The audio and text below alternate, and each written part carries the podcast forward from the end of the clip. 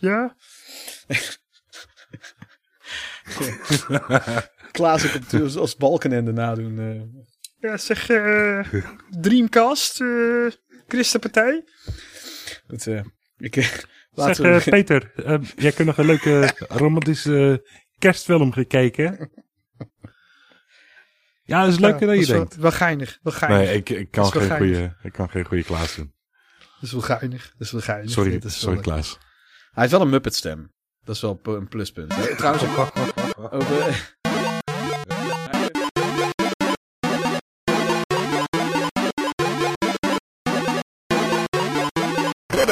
van de retro tafel.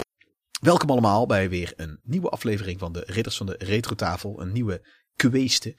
En dit is alweer kweeste nummer 23. Het is echter wel de 24e die we uploaden. Eh, en het kan ook zijn dat ik deze uiteindelijk niet nummer. Dat het niet nummer 23 wordt.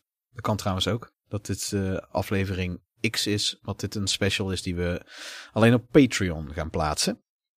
Maar dat zien we nog wel. In ieder geval eh, ben ik deze keer eh, als vrij unicum, maar vergezeld eh, door één andere ridder. En dat is eh, Alex. Deze keer. Hallo Alex. Hoi. Hoi Peter, En, lekker eh, intiem zijn we z'n tweetjes. Ja, ja. En in de Ridders van de Retro Tafel hebben we het niet over eh, oud meubilair, wat weer in is, maar hebben we het over games eh, vooral. Eh, oude games. En dat is, gaan we vandaag ook waarschijnlijk vooral over hebben, maar we hebben het ook niet alleen maar over oude games in de Ridders van de Retro Tafel. We bespreken ook allemaal oude films die we zien, of nieuwe films, maar ook nieuwe games en heel enkele keer game nieuws. En ik verwacht ook dat we dat vandaag gaan doen. Eh, ik heb in ieder geval voor het eerst in tijden eh, bij, mijn, eh, bij de rondvraag. Heb ik. of bij de intocht bedoel ik. Heb ik bij het nieuws. Ja. Ik heb altijd bepaalde kopjes die ik afga als ik het voorbereid. En bij het nieuws heb ik voor het eerst iets gezet. Waarvan jij waarschijnlijk kan raden wat ik bij het nieuws heb gezet. En ehm, nou, without deze aflevering, deze kweeste, gaan we het hebben over achievements en trophies. Of de algemene systeem, wat voor naam dat je er ook aan wilt geven. Het feit dat je door met een soort digitale puntensysteem of eh, trofeetje wordt beloond voor bepaalde taken te verrichten. Binnen een game. En ja, without further ado, laten we doorgaan gelijk naar de intocht, dames en heren.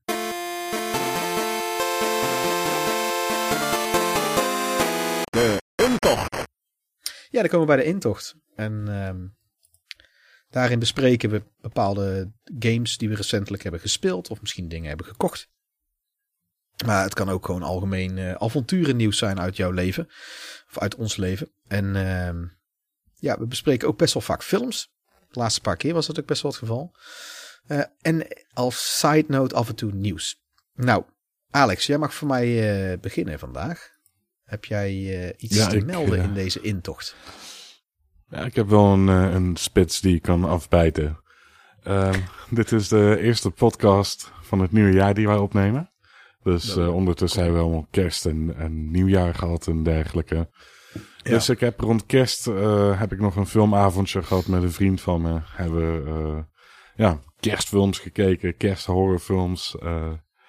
waaronder Black Christmas en eh, de klassieker Silent Night, Deadly Night deel 2.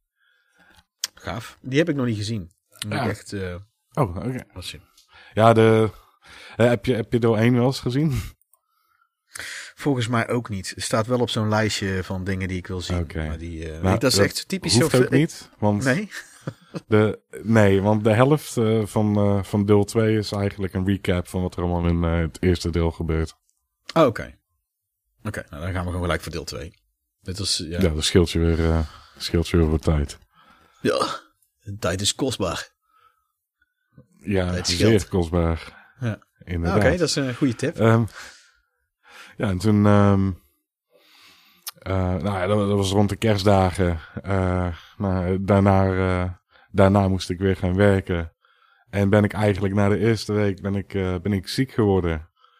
En eh, heb ik eh, gisteren ook eh, ehm, een testuitslag gekregen waarin ik positief ben getest op het virus. Dus eh, ehm, van, welk want ik liep al echt een hele Ebola? eh, nee, het COVID-virus. ah, oké. Ik liep al heel de week, eh, ik was heel de week al ziek en ik was gewoon eh, niet eens in staat om, eh, om naar de teststraat te, te gaan om mezelf gewoon echt te laten testen. En op het moment dat ik dat wel kon, ben ik meteen gegaan. En ja, toen was het eigenlijk geen verrassing dat ik positief was getest. Dus ik had heel die week had ik, was, was ik lekker thuis gebleven en heb ik, heb ik ook nog wat dingetjes kunnen kijken en, en, en kunnen spelen. Zo heb ik, of zo hebben wij eh, de Conjuring trilogie hebben wij helemaal eh, afgekeken. Ik had daar alleen de eerste film van gezien en ehm, die vond ik destijds vond ik die wel tof. Ja. Ehm, maar eh, ja, als je ze alle drie achter elkaar kijkt, dan, dan word je er wel een beetje moe van. Want er komen bepaalde clichés in, in voor, die, die, die zitten in iedere film. Dan gebeurt er iets heel heftigs in een kamer. En dan eh, slaat de deur dicht en die zit op slot. En die krijgen ze met geen man of macht open. En zo'n scène zit wel in, in, in, eh, in ieder deel. En daar ergerde ik me een beetje aan. ja. Ik heb eh, volgens mij zo- alleen, alleen deel 1 gezien. Ja. Want ik, ik, god, ik weet niet eens hoeveel delen zijn. Ik dacht dat er al een vierde was ook al. Maar, ehm, is dat niet? Volgens is- mij niet. Het is heel verwarrend, want je hebt die. ehm, Je hebt ook hebt allerlei spin-offs en dergelijke. ja, want, die, ja, want je hebt die. ehm, god, want waar gaat deel 3 over? Eh, dat gaat over eh, een, eh, een eh, demonische possession. Ook, ook weer in, in Amerika. Deel 2 speelde zich af in, in Engeland. Deel 3 speelt zich af in Amerika. En dat gaat over een ja, demonische possessie. Waardoor iemand een moord pleegt. En hun moeten eigenlijk die persoon. eh, of hun proberen die persoon eh, vrij te laten spreken. eh, op gronden van. he was possessed by the devil. The devil Ja, made him oh, do ja. it. Ik heb dat meegekregen, inderdaad. Nou weet ik het weer. Ja, ja, ja die. ehm, dat is gebaseerd op een, een, een flinterdun rechtszaakje wat zich ooit heeft voorgedaan. Ja. Ja, Klopt. heel bizar.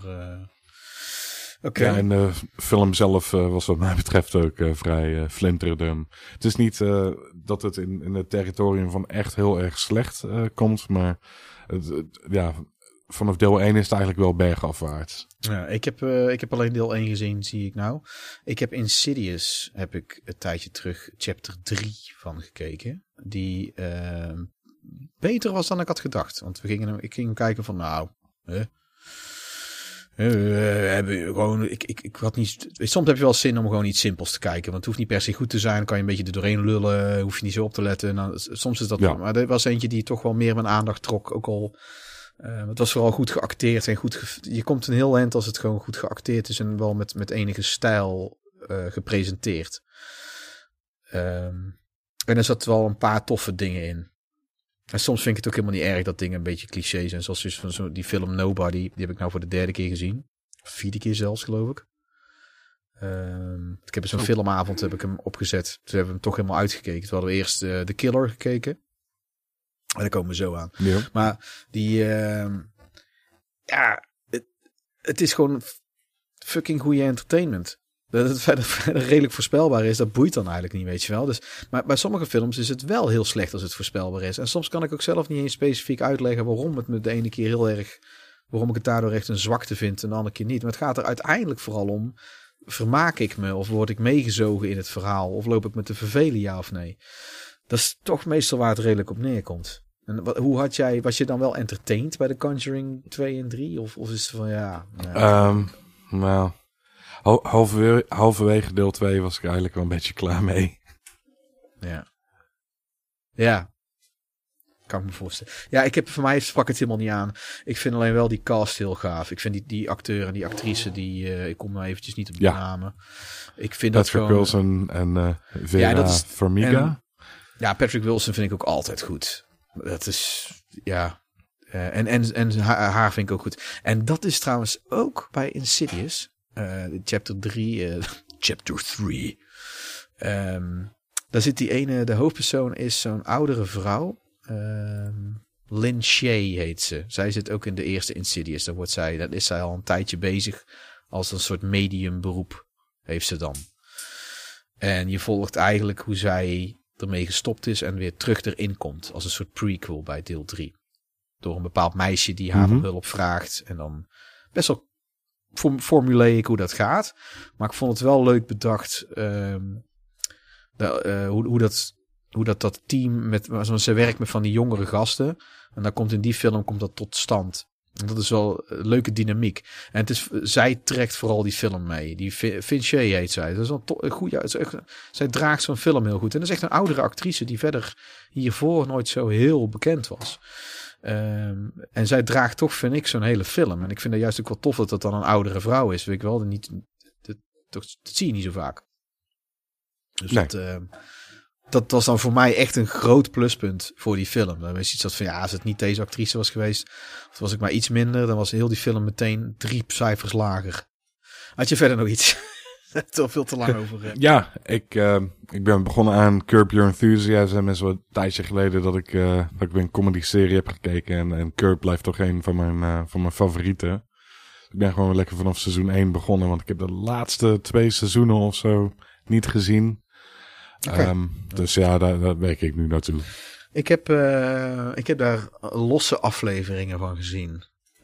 Dat is met dingen toch, die kale gast met die bril, hoe heet hij nou? Larry David. Ja, Larry David, ja. Je weet ook eh, in Seinfeld dat, eh, dat die heel die George Costanza gewoon 100% Larry David is, hè? Daar is het Ja, helemaal ja dat is op hem gebaseerd. Dus zelfs Ja. ook een heel seizoen eh, van Curb Your Enthusiasm. Waarbij hij een, een Seinfeld reunie voor elkaar probeert te krijgen. Oh, dat is wel heel grappig. Je zal zo neurotisch door het leven gaan als George Costanza. Ja. Wat Larry David dus eigenlijk echt is. dan, heb je, Ja. dan heb je hoe dan ook een zwaar constant leven. in die situaties terug. Ja, dan heb je, maar dan heb je altijd een zwaar leven. Dat is gewoon, dat is, met Ja. jij, ja, zo vaak zijn we onze eigen grootste vijand. nou, wat trouwens ook Ja, zo... dat is wat die, dat is wat die serie zo mooi maakt. Er, zit- er Ja. zitten ook veel herkenbare dingen in. Of, of Ja. dingen die je aan andere personen herkent. Ja, ik kan, het, ik kan me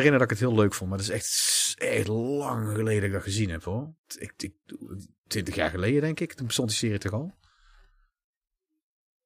Toch? 20 jaar geleden bestond het Ehm, toch al? ja, ja, ja, ja, begin 2000 eh, begon het. Ja. En toen, eh, toen hebben ze een, een hele lange break gehad. Toen was het eh, onzeker of er ooit nog wel een nieuw seizoen zou komen. En toen kwamen er zo, ik denk geloof, een stuk of drie nieuwe seizoenen uit. Oh, dat heb ik helemaal gemist. Ja, ja. oh, leuk. Dus eh daar ging misschien ook eens een keertje naar kijken. Het is een likable dude. Oké, tof. En eh dat was het verder ook. En ook, ja, ook weer een, een goede cast die goed weet te improviseren. Want de- deze show, die is, eh, ja, je merkt het ook, er is heel veel aan geïmproviseerd. Er is wel een, een basis eh, plotstructuur, maar Mhm. geen vast script. En je merkt dat heel veel karakters gewoon ja, aan het improviseren zijn. Dat maakt die Ja. serie ook zo leuk. Ja, en dat, moet, dat kan ook lang niet iedereen. Nee, is, nee, nee, nee, maar je wil de juiste mensen voor hebben. ja, zoals Ellen Tudyk. Ehm, dat is ook een eh, perfecte gast voor bijvoorbeeld. Ja, maar ik, ik noem hem maar gewoon eerlijk. Eerste naam die mij te binnen schiet. Oké, verder? ehm, ja, ik heb natuurlijk ook nog wel wat gegamed. Ik heb Nou, eh, de campaign uitgespeeld van Halo Infinite. Vet. Ik wil eigenlijk geen spoilers, om heel eerlijk te zijn. Maar blijft het goed tot aan het eind? Eh, ja, ik vind, tenminste, ik vind van wel. Ehm, alleen, hier gaan we denk ik nog wel een keertje in een, een aparte aflevering eh, over hebben, over Halo. Ehm, Ja. Dan kan ik misschien wat, eh, wat dieper ingaan op het plot, maar de, de gameplay en dergelijke, ja, dat is, eh, dat is goed. Ik vond het verhaal goed, niet, niet uitzonderlijk, maar gewoon Oké. goed. Het, het, het liet in ieder geval geen nare smaak achter, zoals Halo. Guardians dat deed. Ja. Ja. ja. Ja, ik, ik, het grootste probleem vind ik bij Halo Guardians nog steeds is dat je bijna niet met de Master Chief speelt. En, en de promotie vooraf liet het allemaal tot veel higher stakes oplopen. Terwijl dat spel heel lauwloenen was qua stakes. Dat is heel raar. Blijft zo dissonant. Heel, heel, net zelfs trailers eh, van films uit de jaren negentig. En eh, Ja. nu, af, nu, nu soms nog steeds wel eens hoor. Maar toen had je vooral dat je dan, dan zag je de trailer en dan leek het echt alsof het een brute actiefilm was. En dan was het eigenlijk gewoon een soort low-key psychologische thriller. Dan denk ik van ja, het enige wat je nou doet is mensen misleiden en iedereen pissed off eh, de zaal uitsturen. Eh, de, die, eh, niemand vindt, iedereen die aan de hand van die trailer die film gaat kijken, Daarvan zal echt 99% teleurgesteld die, die, die film verlaten, weet je wel. Wat, bereik je er nou mee? Dat is, dat is zo stom is dat. En dat, dat, Ja, dat deden ze bij Halo uiteindelijk ook. Ja, dat is Ja. heel raar. Op lange termijn werkt dat helemaal niet. Oké, heb je nog meer, meer specifiek noemenswaardige games gespeeld? Ehm, ja, alleen ik probeer eventjes op, op de titel te komen. Nou, denk er even over na, dan ga ik naar de wc. Ik zo terug. Ja, dat is goed. Oké, mooi.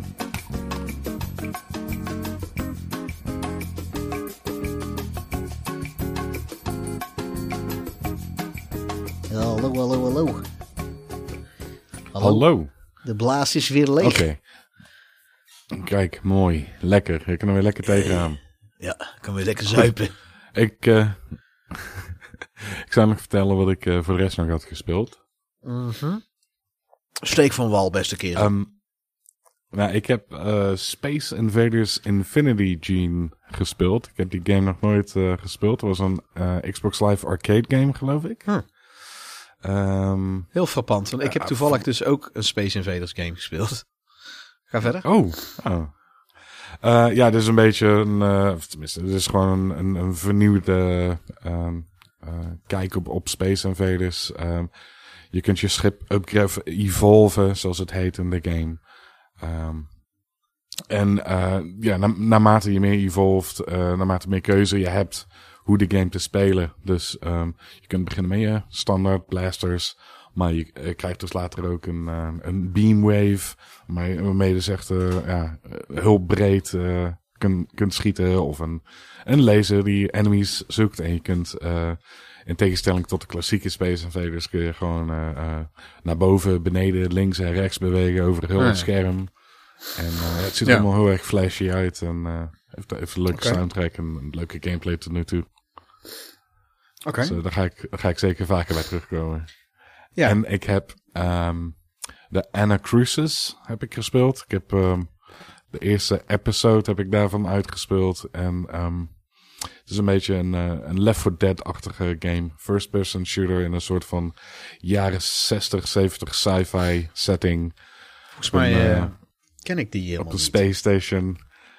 Oké, ja, die, is die is het- ook eh, onlangs uitgekomen in, in Early Access. En, en op Game Pass. Ah, oké, dat ziet er interessant uit. Ik heb er nooit van gehoord, volgens mij. Oké. Nou, de aesthetics er eh, zijn uit. hartstikke tof. Ja. Alleen de gameplay is op dit moment nog heel erg bare bones. Eh, Ah. Eigenlijk, eh, je je voelt wel dat het echt een early access game is en dat er nog veel meer dingen aan toegevoegd zullen worden. Ja, ja. Nou ja, dus goed. is, over een paar maanden kom ik, kom ik terug bij die game en dan kijk Ja. ik hoe, hoe die is gegroeid. Ja, dat heeft ook af en toe Ehm, wel zijn charme. ehm, zoiets. Ja, om, ja, om eh, de, begindagen van een game te zien en dan later terug te komen. Ja. Te zien hoe, hoe anders het is geworden, hoe, hoe polished. ja. Nou, ik ben benieuwd. Ik ga die ook eens in de gaten houden dan. Ziet er interessant uit. Ja, het, het- tenminste, ehm, als je van zulke games houdt, dan, eh Ja, maar ik, ik heb vrij brede er smaak. iets, uit halen. Er zijn eigenlijk niet heel veel genres die ik niet leuk vind, om heel eerlijk te zijn. Maar dat, eh, Oké. En verder had ik eh, nog Nobody Saves the World gespeeld. Een eh, indie game, gemaakt door Drinkbox Studios. Een, eh een ja, roguelite-achtige game, Ja. waarin je van vorm kunt wisselen. Dus ehm je moet eigenlijk zien als bepaalde klasses. Wa- wat als je vrij kunt switchen. eh, je hebt de meest gekke dingen. Je hebt een knight. Je kunt als een paard spelen. En die hebben allemaal hun eigen abilities. Eh, ja, eh, het, is een, rat kun je het is een RPG, maar bijten. het is ook een soort RPG. Het is een top-down. Eh, ja, ja, ja, isometrisch. Ja, ja, ja. Oké. En werkt het dan met arena's of zo? Of met, eh, met, met Ja, met dungeons. dungeons? Ja. Ja, je Oké. cleart een dungeon en je killt een baas. En krijg je eh, materials om jouw karakters mee te upgraden. En eh, ja, zo, het is een eh, woordspeling op- in die game. Het is een woordspeling op dat jij een nobody bent die juist de wereld redt. Eh, ja, Oké. Het ziet er... want jij bent nou- eigenlijk, je, je, je begint inderdaad gewoon als een nobody. En, ja, Zoals in zoveel een- RPG's. paard, Ja. een slak, ja. Ja, het is ook wel eens leuk, verfrissend, verfrissend om een RPG te spelen waarin je niet uiteindelijk of in de loop van of al in het begin de chosen one bent. Ehm, hoewel we komen zo meteen op een game waarbij het altijd om de chosen one gaat en waarbij ik het toch ook altijd prima vind. Wederom, net als met films waar we het net over hadden, het ligt er ook aan hoe iemand, hoe het wordt gebracht en eh, Ja, hoe het al, al- alles heeft, eh, gevoerd. ja, dat is met alles uiteindelijk. Oké. Dit is ook alweer een interessante, moet ik zeggen, als ik het zo zie. Ik, zit nou, maar ik heb het net even opgezocht. Nobody saves the world, ja. ja, ja. Interessant. Nou goed, een andere keer eh, daarover door. ja, ik heb eh, van alles eh, gespeeld en gezien. Er is natuurlijk ook een vakantieperiode tussen geweest. Ik ben zelf ook nog jarig geweest. Ik heb level 40 bereikt. Wat best wel een getal is. ja. En eh, ten eerste, ik heb een nieuwe laptop gekocht. Iets, eh, want mijn laptop was al tien jaar oud. En het was eigenlijk een wonder dat dat ding überhaupt werkte. Waar sommige mensen niet eens snapten dat ik dat ding nog überhaupt aan de praat kreeg. En ehm, ja, ik, eh, ik, ik vind dit juist wel leuk. Er is nou, het is nou echt een, een, een, een sprong van tien jaar die ik dus in één keer maak. Terwijl ik gewoon een, gemiddeld apparaat heb gekocht. Want ik heb geen high-end laptop nodig. Het is echt geld in het water smijten wat ik dan gewoon doe. Want dat, dat heb ik gewoon nergens voor nodig. En daar ben ik al heel blij mee, moet ik zeggen. Het is, eh, dus daar is eh, veel van mijn centjes naartoe gegaan. En ik heb eindelijk mijn PC-engine opgehaald bij eh, Roy, een vriend van mij. Oh, nice. Die ook zo lief was om zijn backup PC-engine naar mij weg te doen. Eigenlijk, eigenlijk voor een vriendenprijs. En, en met Dracula X. Met Rondo Oh, of Blood. Kijk, kijk. En ik had al... Dat is eentje die ik nog heel graag zou willen spelen. Ja, die is ook echt heel vet. Ja. Ja, en ik heb nou bijna alle Castlevania games. Ik heb, eh, ik tel dan Vampires Kiss en Dracula X voor de Super NES, de NTSC. Die Amerikaanse release tel ik niet mee. Omdat dat eigenlijk soort van botched versies zijn van Ja, ja. Rondo of Blood. En ik heb ook geen zin om 1000 euro neer te leggen voor eh Vampire's Kiss, om heel eerlijk te zijn. Want daar is hij laatst voor verkocht van die eh, verzamelvriend eh, van mij, eh, kennis die, die nou alles wegdoet. Die deed dat als een van de eerste weg. En ik, ik, ik had met hem bijna een overeenkomst. Maar ik had zoiets van, nee, ik ga het niet doen. Ik ga gewoon geen honderden euro's aan dat spel uitgeven. Dat is voor mij gewoon niet waard. Terwijl ik ook die Dracula X binnenkort al heb. Die veel beter is. Waarom zou ik dan 700, 800 euro gaan uitgeven daaraan? Dat- vind ik echt zo zonde van mijn geld. En ik ben ook heel blij dat ik dat niet gedaan heb. En uiteindelijk heeft een dude het opgehaald voor 980 euro of zo. Nou, Zo. veel plezier ermee. Weet je wel? Ja. Het, zal ook waarschijnlijk iets meer verdienen dan ik. Eh eh, doet het verder niet toe. En eh, ja, ik, en ik had al een, een PC Engine game gekocht. Want er was, god, een, een half jaar geleden was iemand die voor een paar tientjes verkocht een aantal PC Engine games. Ik vond de meeste niet zo boeiend. Maar eentje was Twin Bee. Zo'n shmup. En dat is eigenlijk de eerste shmup zo'n beetje die ik ooit heb gespeeld. Op de MSX.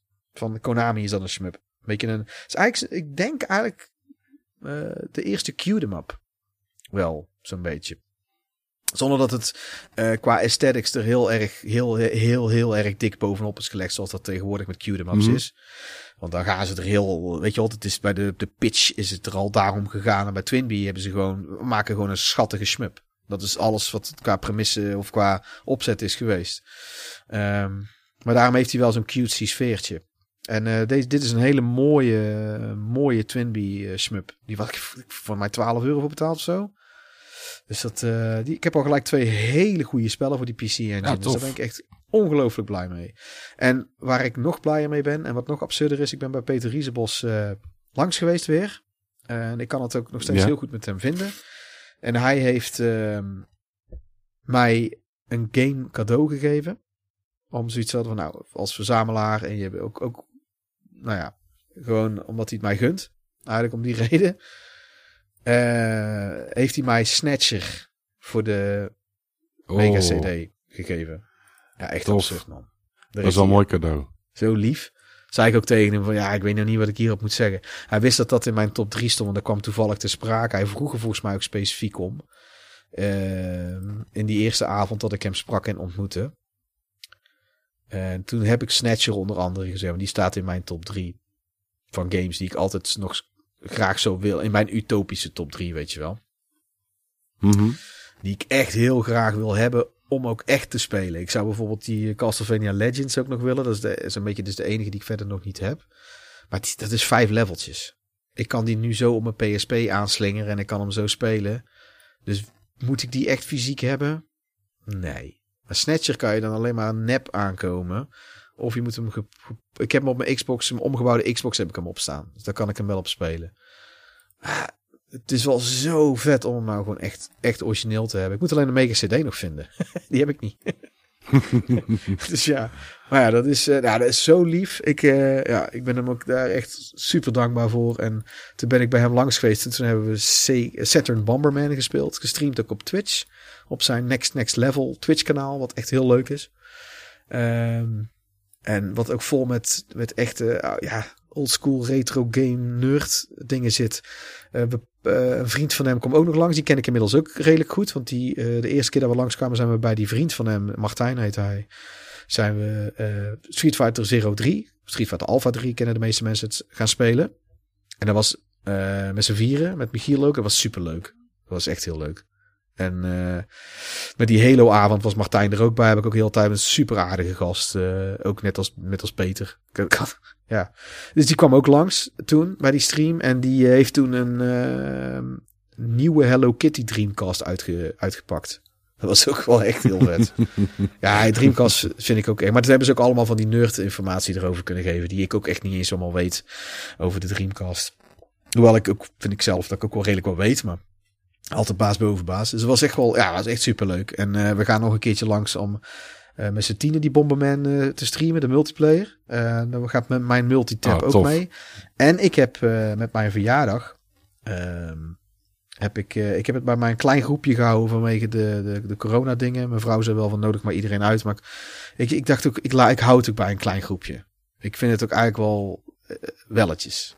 Meestal als het een bepaald getal bereikt, ben je, ben je zelf eigenlijk heel de avond amper sociaal bezig. Want je bent de hele tijd met, met allerlei dingetjes heel kort bezig. Nou heb je gewoon tijd voor elkaar. En toen heb ik uh, um, Hardboiled hebben we gekeken.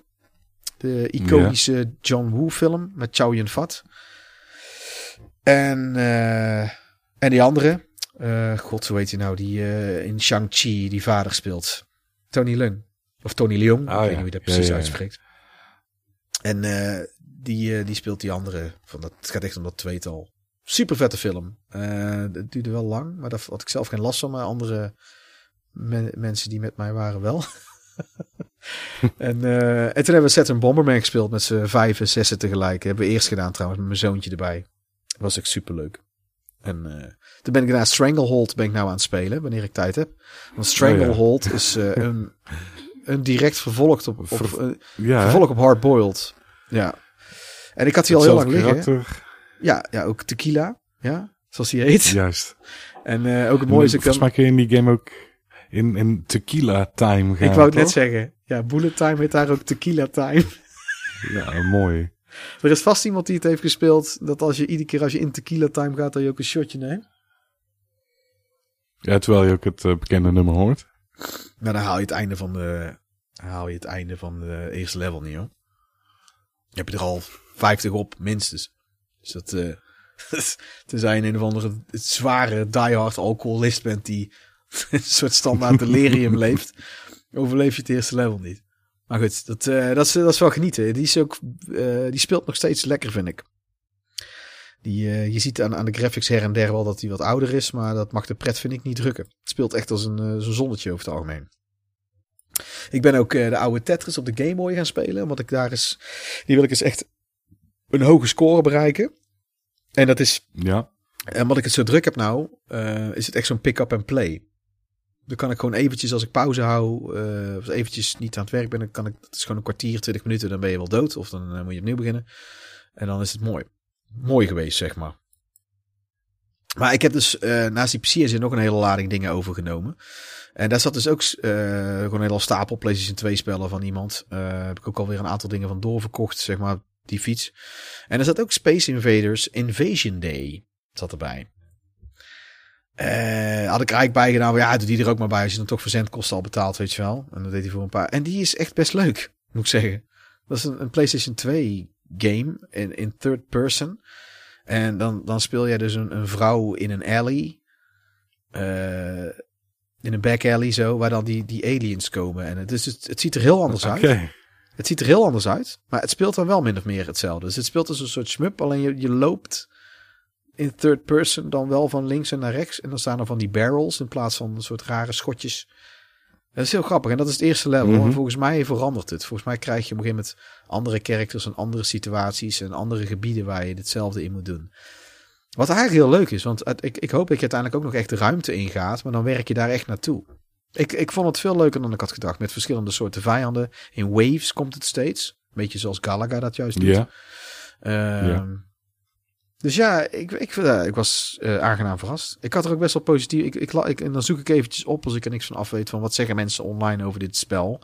En je hebt van elke fucking PlayStation 2 game. Noem, noem het op hoe obscuur. En er is iemand die er een playthrough van heeft. Of een longplay op, play, op, op YouTube. Het is echt, echt bizar.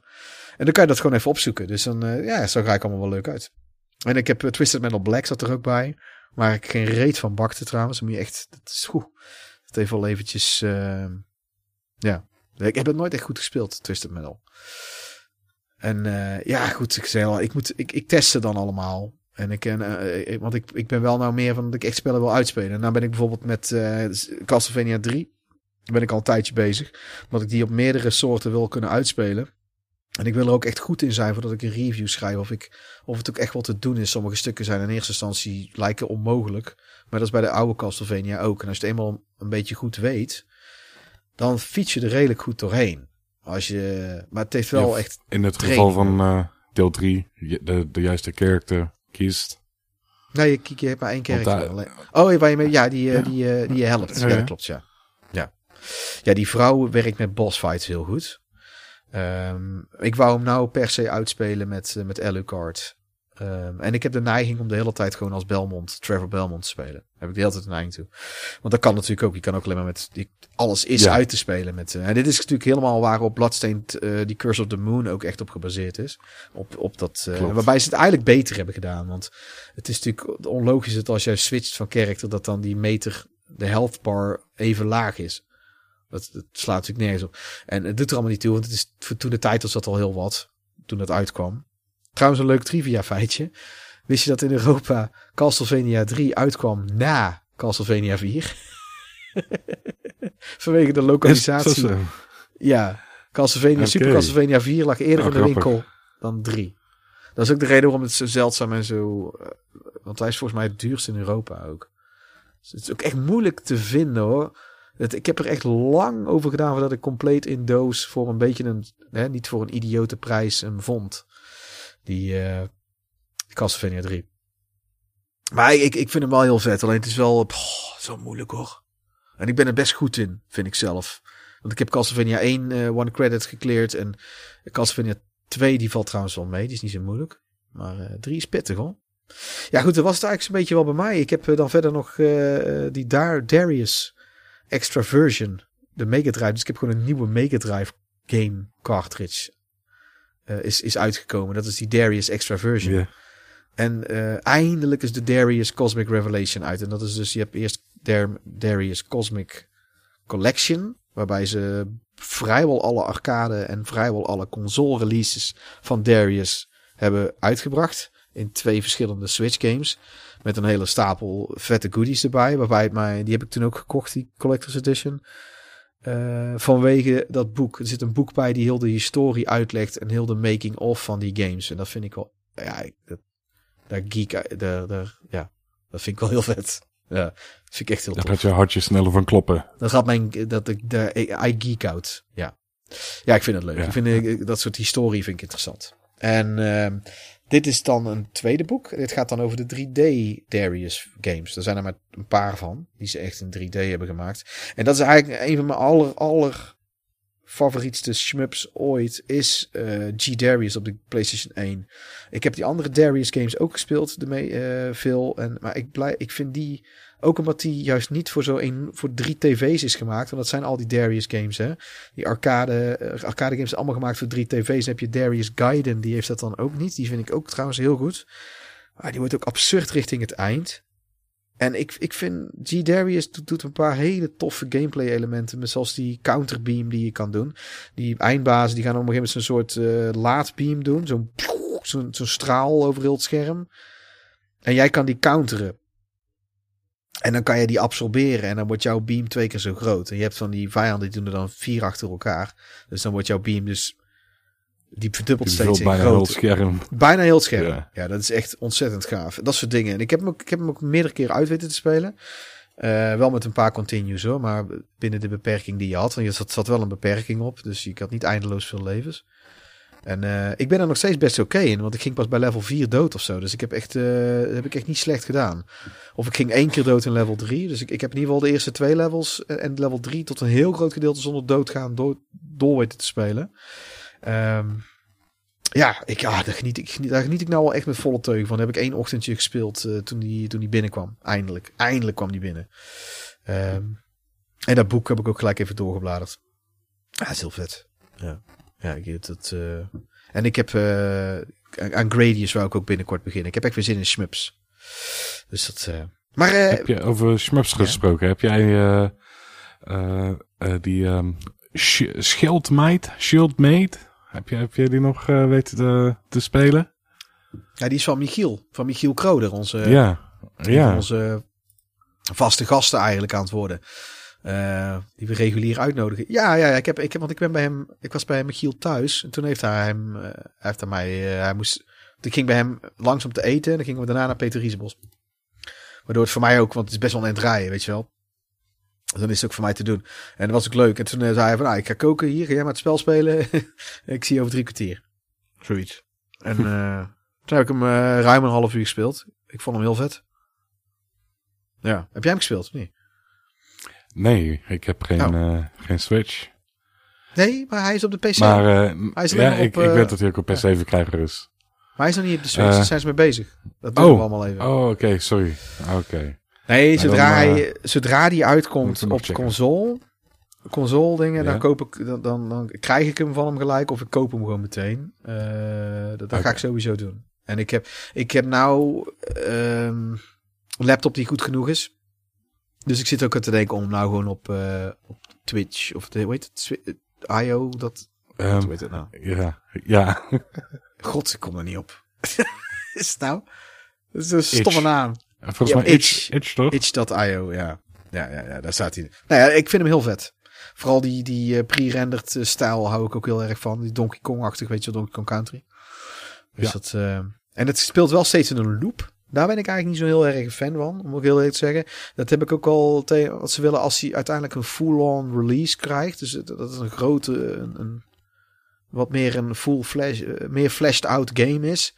Met meer, meerdere modussen en zo, modi. Dan gaan ze wel, ehm, wat ik begreep, er ook een endgame in doen en zo. Nou gaat hij eigenlijk gewoon op een bepaalde manier loopen. En zit er wel een soort van eind of een afsluiting in. Maar dan wordt het meer een soort diverse rit zoals dat een normale shmup dat heeft. Niet zo eentje zoals... En Oh, ja. dat zou ik Ja, nog ja. vetter vinden. Maar dat is, dat is eigenlijk een licht puntje van kritiek. Want het speelt, het speelt gewoon wel echt heel goed. Het ziet er ook echt goed uit. Het is heel vet bedacht eh, van Michiel zelf eigenlijk trouwens. Dat je op die ko dat je het grootste gedeelte van de tijd juist kogels moet absorberen. De meeste kogels hè, zijn natuurlijk ook van die objecten die moet je niet eh, absorberen. Het wordt uiteindelijk hartstikke pittig ook hoor. Dus dat... eh, ja, en, en wat hij ook zei, dat klopt ook. Je kan echt als beginner kan je eraan beginnen. En dan kan je ook echt wel wat spelen.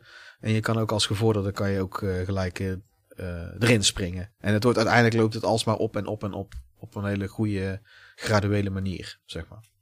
Nou goed, genoeg daarover. Ja, goed om te We hadden horen. nog één nieuwsitem. Waar ik het toch heel even over wil hebben. Laten we het proberen heel kort te houden. Is het feit dat eh, Activision Blizzard door Microsoft is overgenomen. Daar Ja. even over hebben. Hoeven we niet lang over te hebben. Want het wordt waarschijnlijk een aparte topic. Denk ik. Maar dat, ehm, wat, eh, wat, wat is jouw eerste gevoel daarbij, Alex? Ehm, ik, eh, ik krijg een beetje de indruk dat Microsoft zoiets heeft van... eh, ehm, wij, eh, wij, wij nemen Activision Blizzard over en wij gaan daar de bezem doorheen halen. We gaan koren van het kaf scheiden en eh, het, het beste bewaren wij. En uh, dat vind ik uh, dat ze, wat mij betreft, uh, bovenaan mogen beginnen bij Bobby Kotick. Die, die kunnen ze, wat mij betreft, als eerste de deur wijzen. Maar ja, ik, ja. ik heb een beetje het idee dat Microsoft binnen wil komen als een soort van savior. Van hey, wij, wij, wij, zien hier een kans. dit is de, ja, voor die studio's een, een kans om schoon schip te maken. Want uh, ik, ik, denk dat met het huidige bestuur van Activision Blizzard dat er uh, ja, niet veel zal, uh, zal veranderen. Nee. Nee als als ik, die aan de macht had gebleven. Hè? Als, als ik, Microsoft de boel niet had, niet had overgenomen. En... Ik denk dat de kans vooral groot is dat dit positief gaat uitpakken voor beide partijen. Dat denk ik wel. vanwege dat ik inderdaad denk wat ze gaan doen wat jij ook zegt. Dat zit er in ieder geval bij, bij het plan een van de stappen. Um, mijn ervaring persoonlijk, of ik heb het, ik kan het verkeerd hebben, want ik ben ook niet uh, echt deskundig op dat gebied, maar ik heb altijd het idee dat Microsoft, zei, je kan over uh, van ze vinden wat je wil. Uh, ik heb ook negatieve dingen die ik erover kan zeggen, maar als ze een studio overnemen of dat soort dingen, heb ik zelf nooit het gevoel dat ze die IE-kant opgaan, dat ze dat zich te veel ermee bemoeien. Ik heb altijd het idee dat ze het redelijk vrij laten, zoals Netflix dat doet met hun uh, films. Maar dat is mijn ja, gevoel. Behalve toen, behalve toen een van hun uh, eerdere acquisities was natuurlijk Rare, die destijds alleen voor Nintendo ja. Ja. games developte. En ja, die hebben ondertussen dan wel Sea of Thieves gemaakt. Uh, wat een ontzettend grote game is. Ondertussen wordt nog steeds heel veel gespeeld. Maar vooral in, in de begintijd bij Microsoft uh, werd dat team eigenlijk helemaal niet goed, goed gebruikt. Die werd gemaakt om... dat team dat was bezig met de avatars te maken voor de Xbox 360. Ja. Ja, en, en ik, hoe dat precies is gekomen, dat weten we natuurlijk ook niet helemaal, denk ik. Maar dat is wel raar. En sowieso, ik, ik begreep ook dat een hele hoop van dat team, de, de grote een aantal grote namen en talenten waren opgestapt bij Rare. Dus dat het sowieso al een beetje een um, ja. overblijfsel ja, was. Een aantal uh, grote namen. Weg, ja. Ja, en uh, dat, zou, dat zou ook parten kunnen spelen. Hè? Dat dat team eigenlijk een beetje zo als een, ja, een schip zonder kapitein zit of zo. Dat zou natuurlijk kunnen. Vind dat moeilijk. Want ik heb verder niet het idee dat ze dat zo doen. Uh, maar wat jij zegt, dat is inderdaad iets wat toen wel heel erg opviel. Nou, we zullen zien. Ik denk zelf dat het. Uh, ja. Ik ben er zelf eigenlijk wel positief over, moet ik eerlijk zeggen. Als je kijkt over wat, wat voor een clusterfuck. Dat het nou al meer dan een jaar of zo. Hoe lang is het al wel niet bezig bij Activision Blizzard? Het is al lang bezig hoor. Ja, ja. Echt, uh, het houdt maar niet dat, op. en ja, ik, ik hoop dat Microsoft inderdaad gewoon de bezem er doorheen De bezem, haalt. ja. En uh, wat, ik eigenlijk, wat ik eigenlijk ook wel tof vind, of tenminste het... De Xbox bezem. Wat voor mij het vooruitzicht... Uh, wat mij in het vooruitzicht uh, ligt, is, is de technische aspecten die, die de studio's met elkaar kunnen gaan delen nu. Want het valt allemaal onder hetzelfde dak. En mm -hmm. ik hoop dat dat de, de games ja. ten goede komt. Ja, ja. Ja, want ze waren ook steeds raardere beslissingen aan het nemen. Uh, meer van die cut Activision beslissingen. Waarvan ik ja, nou hoop dat het meer vanuit. Microsoft... Ja, Activision heeft zo'n run it into the ground uh, mentaliteit altijd.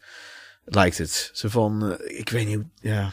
Het, het is heel veel stomme dingen doen ze dan. Waarbij je gewoon, waarbij iedere, iedere gamer zo'n beetje aanvoelt van dit, dit gaat gewoon fout. En dat doet het dan ook elke keer. En toch doen ze het ook weer elke keer.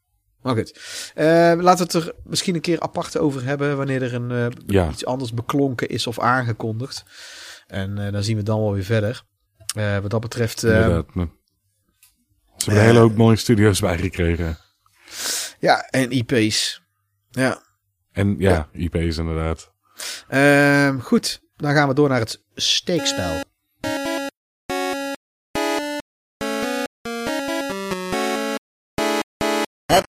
Nee, uh, ja, uh, we zijn dan uh, bij het steekspel. En in het steekspel pak ik willekeurig een game uit mijn gamecollectie door middel van, althans bijna altijd door middel van de randomizer in mijn Excel-bestand waar al mijn games in staan. in een lijstje. En dan poept hij zo'n getal uit en dan zoek ik dat getal op. welke game dat dat is, want dat weet ik natuurlijk niet uit mijn hoofd. En deze keer kwam... game 419 kwam eruit gerold. Game Eh, 419 heb jij bij zijn lurven Ja. gegrepen. Eh, precies, ik heb hem En, ook eh, eh, uit de kast gevist. Ehm, en, eh, en welke game is dat, Peter? Ja, het is een spel voor de Wii. Het is een launch Voor de. Wii? Het is een van de launch Oh. titles. Ja, kan je het raden misschien? Het is, ehm, het is met een zwaard. Nou ja, ik hoef... Prominent zwaard ehm, speelt een prominente rol. eh, Red Steel. Ja, correct. Red Steel. ja, met... eh, waarbij je ook... ehm, aap eet banaan noemen de vormgevers dat. Waarbij je dan ook eh, de vormgeving vooral rood doet. Terwijl het woord rood ook in de titel zit. Ehm, Oh ja. Waar op Ja. zich niks mis mee is, moet ik zeggen. Ehm het was ook eh, ik, dat bedrijf waarmee we voor die televisieopnames samenwerkten, heette Blue Circle. En die hebben als logo een, eh, als ik me niet vergis, een rode vierkant. Even kijken. Waarbij, waar ik erg, hè? Wordt altijd... nou, ik, was, wel- ik was de enige die dat, die dat zag en erom moest lachen. Maar goed, het, het mooie is dat... eh, ik kan me herinneren dat ik deze bij de launch niet heb gekocht. Ik heb toen de, toen de Wii uitkwam, heb ik hem gelijk gekocht. Ik was een van de weinige mensen die hem volgens mij ook gelijk had. Want was overal uitverkocht. Maar ik had hem gepreorderd. Eh met Zelda. En ik heb volgens mij Raving Rabbits er ook nog bij. Rayman en Raving Rabbits gekocht. Eh, en Wii Sports kregen er al bij. Ja, Als ik me niet vergis, ja die waren erbij dat, gebundeld. wat trouwens ook een game is die ik meer heb gespeeld dan ik ze wilde toegeven. En eh, deze Ja, niet. niks mis mee, toch? Nee. nee, en Rayman ook niet. Rayman is echt is nog steeds een feestje. Als je die nou opzet op een avond en iedereen lacht zich, lacht zich eh, de ballen uit, eh, uit hun string eh, met koeslingeren en dat soort onzin. Ehm, goed, ja, nee, ik heb hem uiteindelijk later gekocht in de budgetbak. eh, voor volgens mij echt 5 euro of, of zoiets. Zo'n echt absoluut scheidbedrag. Toen op een gegeven moment de Wii een beetje uit zijn gratie was. wat een goudmijntje was voor de verzamelaar en de, en de personen die weten wat goede games zijn. Want sommige, ook best wel gamers, weten niet, of nog steeds niet, of nog altijd niet, hoeveel goede games dat er ook al niet voor de Wii zijn verschenen. Die niet alleen maar lomp eh, zwieren zwaaien zijn met een tennisracket en een, een of ander slecht eh, gebouwd poppetje. Je hebt echt hele goede, goede games. Red Steel heb ik zelf amper tot niet gespeeld. Eh, dat is wel, moet ik eerlijk toegeven. Ehm, maar ik ben wel blij dat ik hem heb. Want wat ik ervan heb gespeeld vond ik eigenlijk best wel leuk, moet ik zeggen. Het is, het is van Ubisoft. Wat ik helemaal vergeten. Als je me dat nou had gevraagd van door wie was het gemaakt. En ik had niet dit hoesje in mijn hand. Had ik het nooit geraden. Maar het is van Ubisoft. En ehm, Red Steel heeft die typische nog net de jaren negentig eh, ontwerp met van die strepen door de logo heen. Zo'n, zo'n, alsof het zo beschadigd is geraakt door iets. En natuurlijk in dit geval door een zwaard. Eh, dat is typisch zo'n eind jaren 90, 2000 design. Dat is eh, zo'n streep door zo'n logo heen. Heel veel bands hadden dat ook. Onze vriend Tompa zijn band had dat destijds ook. Kan ik me nog herinneren. Dat ik zo'n strepen doorheen. En dat was Ja, ook, toen was het ook. En de, de Mooi. T is dan een katana. En de L is een gun. En die L is echt heel erg fout. Zo'n handpistool. En, eh, maar goed, het is wel zo. Die game staat erom bekend dat je dus gun, gunfights en swordfights hebt. En eh, de voorkant is gelijk heel erg lachen, vond ik. En dat heb ik ook vanmiddag gestuurd in de WhatsApp groep van ons. Dat is eh, dat van die quotes van, eh, van, van tijdschriften en, eh, en eh, nieuws, review outlets voor en magazines en zo van, van games. En er staat Player One magazine staat erop met een Franse quote. Red Steel tranche la concurrence et s'impose comme l'un des titres incontournables de la Nintendo Wii. Nou, whatever.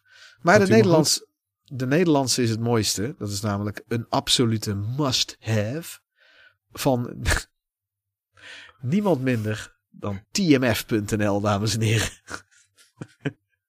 The Music Factory. TheMusicFactory.nl. Ongelooflijk. Dat is- Bestaat dat nog überhaupt? Bestaat dat nog? Nee toch? Wel? Nee? Ik weet het niet. ik, ik hoop van niet. Ik kan me Het, herinneren het dat maakt ik... me eigenlijk helemaal niks uit. Nee, dat is, daar ben ik het mee eens. Wat ik het leukste vond aan TMF destijds, was het, het amateurgehalte.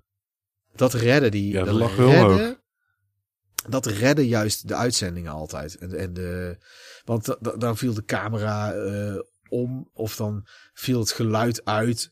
Of, en en eh, dan waren ze iets met script ging fout. Maar dat, wa- dat was juist leuk. Dat maakte het juist heel menselijk, vond ik. Dan bleef zo'n gast die ze hadden geïnterviewd. En een of andere Nederlandse rapper. Die bleef er dan bij zitten. Wat hij het wel leuk vond. Bleef hij in de studio erbij zitten. Die ging dan allemaal commentaar leveren. Heel, heel incorrect. Wat dan echt prachtig was. Want het was live. Dus ze konden daar ook niet terugdraaien en zo. Ja, dat, toen de tijd keek ik best wel vaak eh, TMF. Omdat het altijd... Er gebeurde elke keer wel zoiets. En toen werd het overgenomen door MTV. Het was dan een keer zo'n geoliede machine. En dan dacht ik van, ja, dat is helemaal niet leuk. Want MTV was toen echt al kloten. Een soort zieloze... eh, My Teenage Daughter eh shit show was het toen echt al geworden. Echt, echt brol. En nou is het helemaal echt gewoon stront. Visuele stront is het nou al heel lang. Knap dat het überhaupt nog bestaat. Maar goed, laten we de achterkant bekijken van Red Steel. Ehm Vertel. een van de absolute bullet points en eh, eye-catching eh, zinnen is: Het wapen ligt in jouw handen. Beheers het. En dan eh, krijg je de andere selling points. Gebruik de Wii afstandsbediening om echte zwaard- en vuurwapenbewegingen te simuleren. Dat was natuurlijk de launchtitel.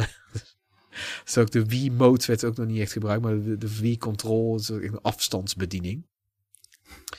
Sla een dodelijke slag met een brede selectie aan authentieke wapens. Alsof iemand dat interesseert. Denk aan granaten, shotguns. maar ook tento- en katana-zwaarden. ja, wel mooi. De Franse ga ik niet voorlezen, maar die zijn ook heel leuk om te lezen. Ja, ik, eh, verder eh, is dit nog wel eh, uit de tijd. Ja, we kunnen we allemaal lachen.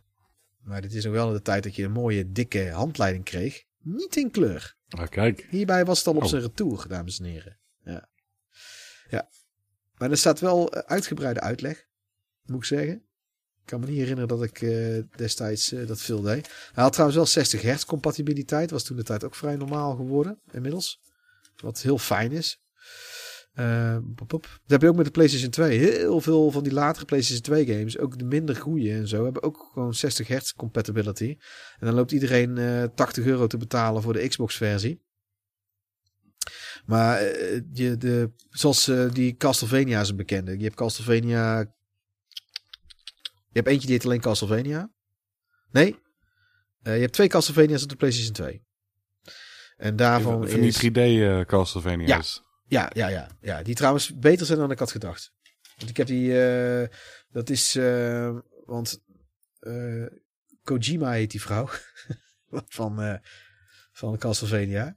Eh, hoe heet ze nou Ja. daarvoor? Ayami Kojima. Die heeft de muziek ook gemaakt voor die Castlevania. Dus dat, dat is sowieso alleen al om de muziek is het de moeite waard. Maar ook die Igarashi zit daar ook nog steeds achter. Die zit ook achter die twee titels op de PlayStation 2. Want zij heeft ook hebt- de muziek gedaan voor eh, Symphony of the Night, toch? Ja, dat was haar eerste. En, eh, en, en Bloodstained en dergelijke, ja. Ja, Bloodstained ook. Want hij, eh, hun blijven... toffe en ook die, soundtracks, echt. En nee, de artwork is van Ayami Kojima. Oh, sorry. shit. Oké. Excuseer. En je hebt Castlevania Lament of Innocence.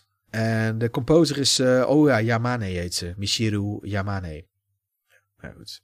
Dat, eh, ik die ene onthoud ik altijd omdat het met Kojima op het einde is. Hm. Eh, ja, waarom zou dat? Maar die Lament of Innocence, die is alleen op de PlayStation 2 uitgekomen. En die tweede, dat is Curse of Darkness.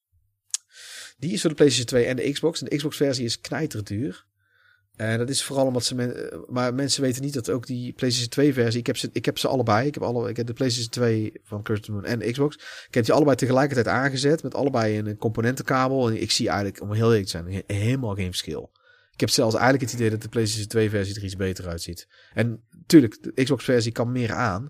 Maar die PlayStation 2 versie kan je ook op 60 hertz zetten en zo. En, dat, en nou is mij dat opgevallen. Ik heb natuurlijk nou heel veel PlayStation 2 games.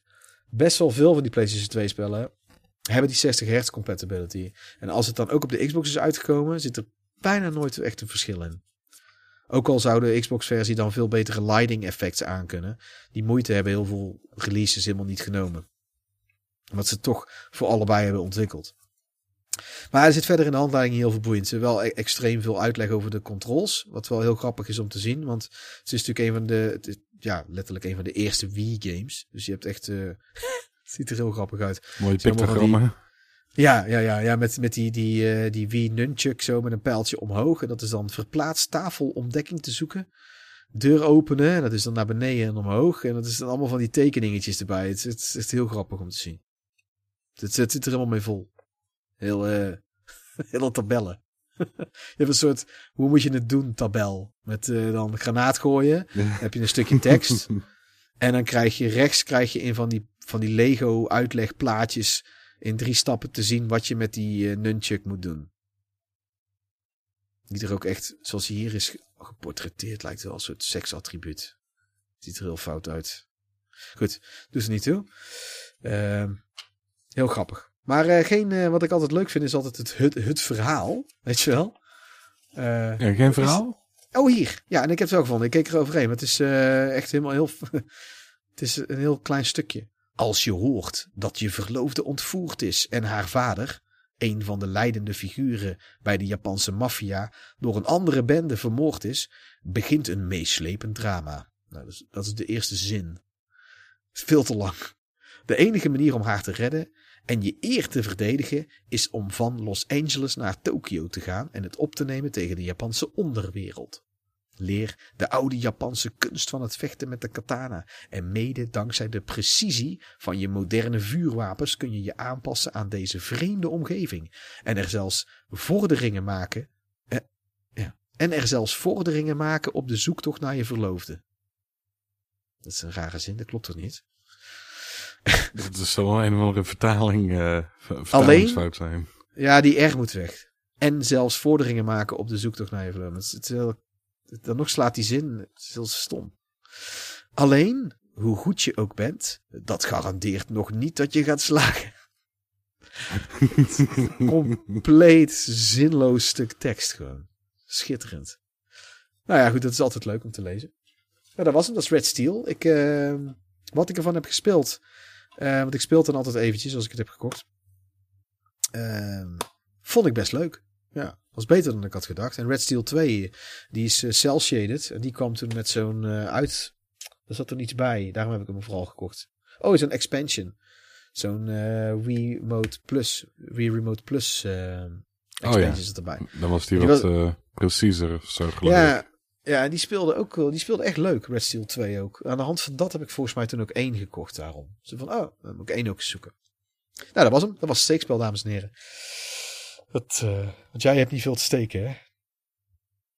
Toch? Ik, eh, nou, ja, ik, ik heb een digitale bibliotheek waar eh, wel in te steken valt. En, Ja, ik, heb wel fysiek. nog fysieke dingen hoor, maar ik- het is niet dat ik een hele grote collectie heb. Gewoon, ja, Een hele grote collectie. Nee, dat snap ik. een he hele, nee, een hele, Hele grote hele grote.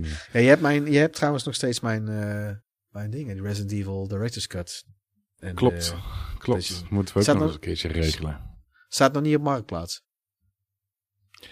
Eh, die is al verkocht, 25 euro. Ja. Ik vind het een beetje flauw dat ik het niet zelf Nee. heb op heb mogen bieden. vind ik wel een beetje flauw. Hè. Je had je maar een beetje moeten kijken, jongen. Wie als eerst komt, die wie als eerst maalt. eh, naar boven Ja, ja, ja. Inderdaad. Ja, fuck scalpers inderdaad. Goed, we gaan door naar de main topic.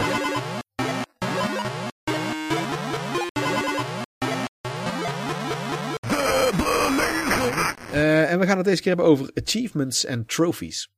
Ehm, zijn ze goed of slecht? Wat vinden wij ervan? Eventjes in die eh, strekking gaan we het erover hebben. Nou, ik wil eigenlijk even beginnen met ehm, algemeen eh, historie erover. En wat veel mensen niet weten, is dat het eigenlijk al in 1982 begon met Activision, die een soort highscore systeem had bedacht. En waarvan ze ook beloningen eraan verbonden. Zo is toen ook dat, eh, als ik me niet vergis, die ene arcade begonnen met, eh, met die wereldrecords. Waarvan ik nou ook niet op de naam Twin kom. Galaxies? Ja. Ja, dat is eigenlijk, dat is natuurlijk wel weer wat anders, maar dat is wel allemaal een beetje in het verlengde van elkaar, toch? Ehm, maar in ieder geval in 1982 is Activision er al mee bezig geweest, geloof het of niet. En volgens mij heette dat toen ook Achievements. Maar dat is iets, daar gaan we misschien een andere keer over hebben. In ieder geval, dit is voor zover... eh, als je er meer, in, meer over wil weten, zoek het dan zelf maar op. Want het is best wel een eh, heel verhaal. Eh, het is wel leuk om te lezen hoe dat toen de tijd ging, in ieder geval. Toen kreeg je al een drang om bepaalde dingen te halen in games. Vanwege dat Activision dat ja, Ja. promoten Des, destijds, was het, ja, destijds was het vooral om de promotie te doen natuurlijk Ja. voor Activision. En voor de mensen zelf om met eer te kunnen strijken van... hé, hey, ik heb de, de beste score in Game X. En, Ja. ehm, en dan, eh, dan dan kon je een foto opsturen en dan stond je ergens in een tijdschriftje of zo Ja. met, eh, met je naam en je score erbij. Ja, en heel, die games draaiden toen ook eh, vooral eigenlijk altijd om high scores. En eh, daarbij kan je heel makkelijk zien of je het beter hebt gedaan dan iemand anders. Namelijk als je een hoger getal hebt, ben je klaar. Dat is nou momenteel voor de meeste games wat moeilijker. Ehm, Ja. Goed, daarna kreeg je in de jaren, in de jaren 80 ook al, maar eh, vooral in de jaren 90 en rond 2000 en zo.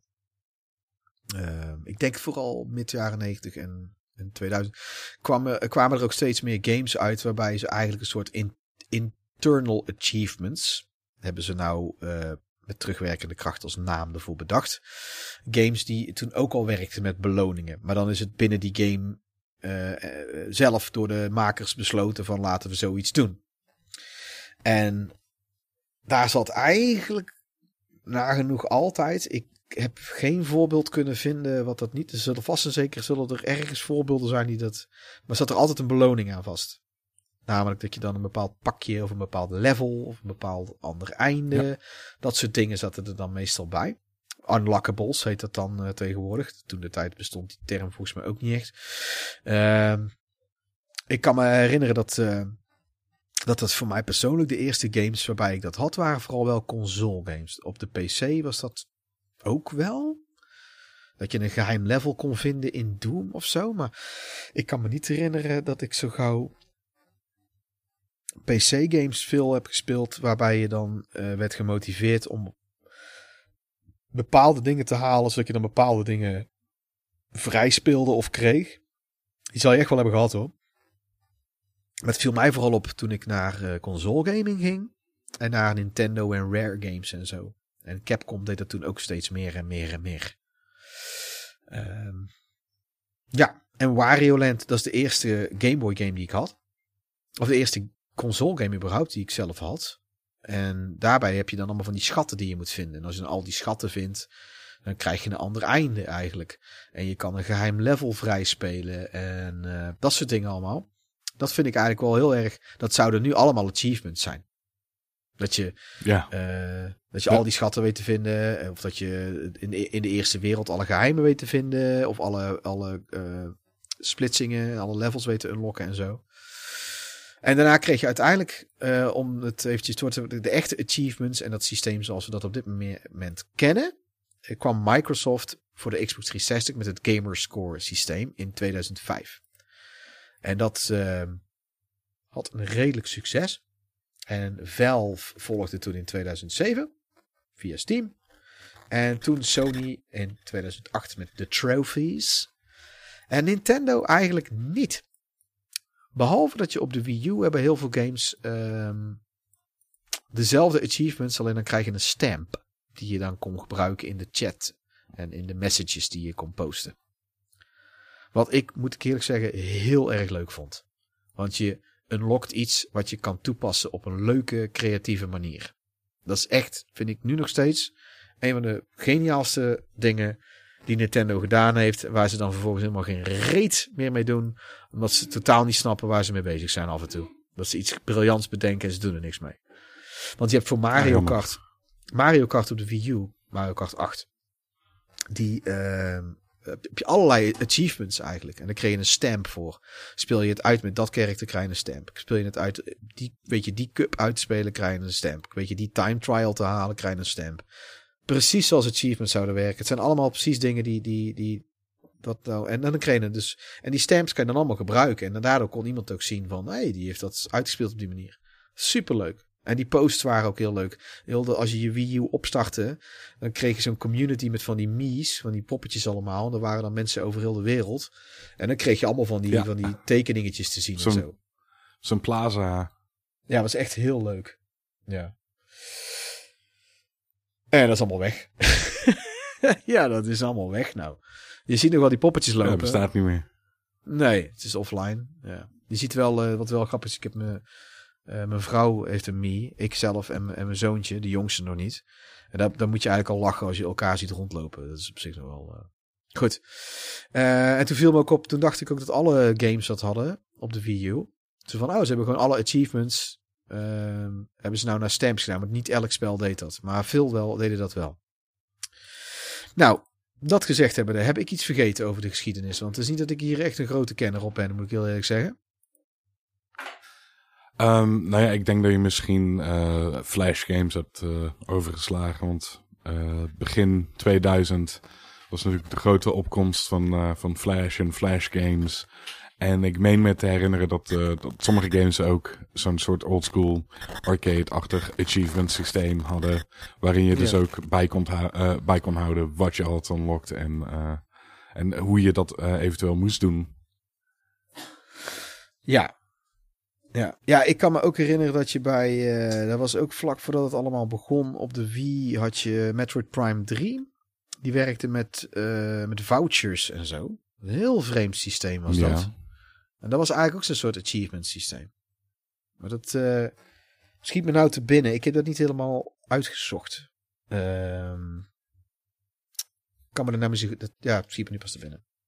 Dat, ja, maar je- je hebt. Ehm, ja, je had af en toe van die games die eigenlijk echt letterlijk zo'n achievement systeem hadden. Maar er waren dan meestal van die, van die bepaalde sportspellen bijvoorbeeld ook. Van zorg dat je dit haalt, zorg dat je dat haalt en zo. Ja, haal, haal een gouden medaille. Ja. Ja, en ehm, gaat, laten we nou. Ik heb gewoon een paar hele simpel. Ik heb twee eigenlijk heel simpel. Wat vinden wij goed eraan? En wat vinden we slecht eraan? En daar koppelen we dan ondertussen aan eh, een beetje ons eigen verhaal eromheen. Eh, want we hebben het dus, we hebben elkaar er ook al heel even over gesproken. En eh, wij hebben allebei een redelijk hoge gamerscore op het, qua achievements. Ehm, waarbij jij niet wist dat ik, dat ik er meer had dan jij. Nee, En ja, en ik heb, dat komt omdat, eh, als ik over mezelf begin, ik heb er een tijdje, ehm, ik heb het een tijdje best wel rigoureus ben ik het gaan doen. Achievements halen. Dat eigenlijk als ik ging gamen, dan ging ik ervoor om gamers, gamer points te halen. En ik merkte op een gegeven moment dat dat niet de goede kant op ging. En daar gaan we zo meteen verder op door. In eerste instantie heb ik, eh, heb ik er een positieve en negatieve ervaring mee. En eh, denk ik ook dat het iets is waar je mee moet leren omgaan. En dat werkt voor de een anders dan voor de ander. Net als dat alcohol of eh, crack dat doet. Eh, maar crack is heel extreem natuurlijk. Maar eh, zoals, zoals alcohol dat bijvoorbeeld doet. De een moet er gewoon helemaal vanaf blijven, anders gaat het fout. De ander die kan het rustig geregeld doen. De ander die kan niet meer ophouden, maar wil dat ergens ook niet. En dat is denk ik een beetje hoe dat zit met achievements en trophies. Ik moet trouwens weer naar de wc, want ik heb net een halve liter bier naar binnen gewerkt. Eh, ik ben zo terug. Oké, mooi. Daar ga ik ook even, want ik heb een halve liter koffie naar binnen gewerkt. Oh ja, dat, dat moet je ook merken.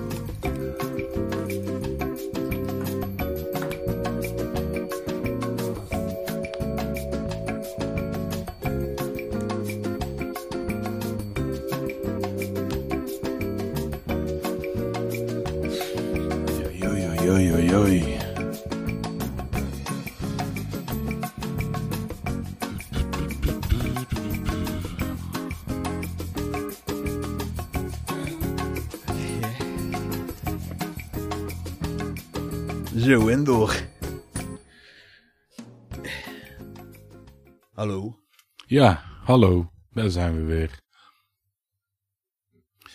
Ja, Peter, ik heb eventjes in de tussentijd snel wat eh, research gedaan. Eh, wij schelen overigens niet zo heel veel van gamerscore, maar eh, ja, ik, ik, ik heb hetzelfde als jou gehad. Ik, in het begin ging ik er keihard voor, maar onze totaal gecombineerde gamerscore is 336.391. Ja, en het is apart dat ik dan eh 335.000 daarvan is voor mij. Is- Nee, dan mocht hij willen. Dan mocht hij willen. Nou, ik, ehm, Ik, eh, Nee, ik heb 100, met- eh, 171.000 daarvan is van jou en eh, 164 van mij.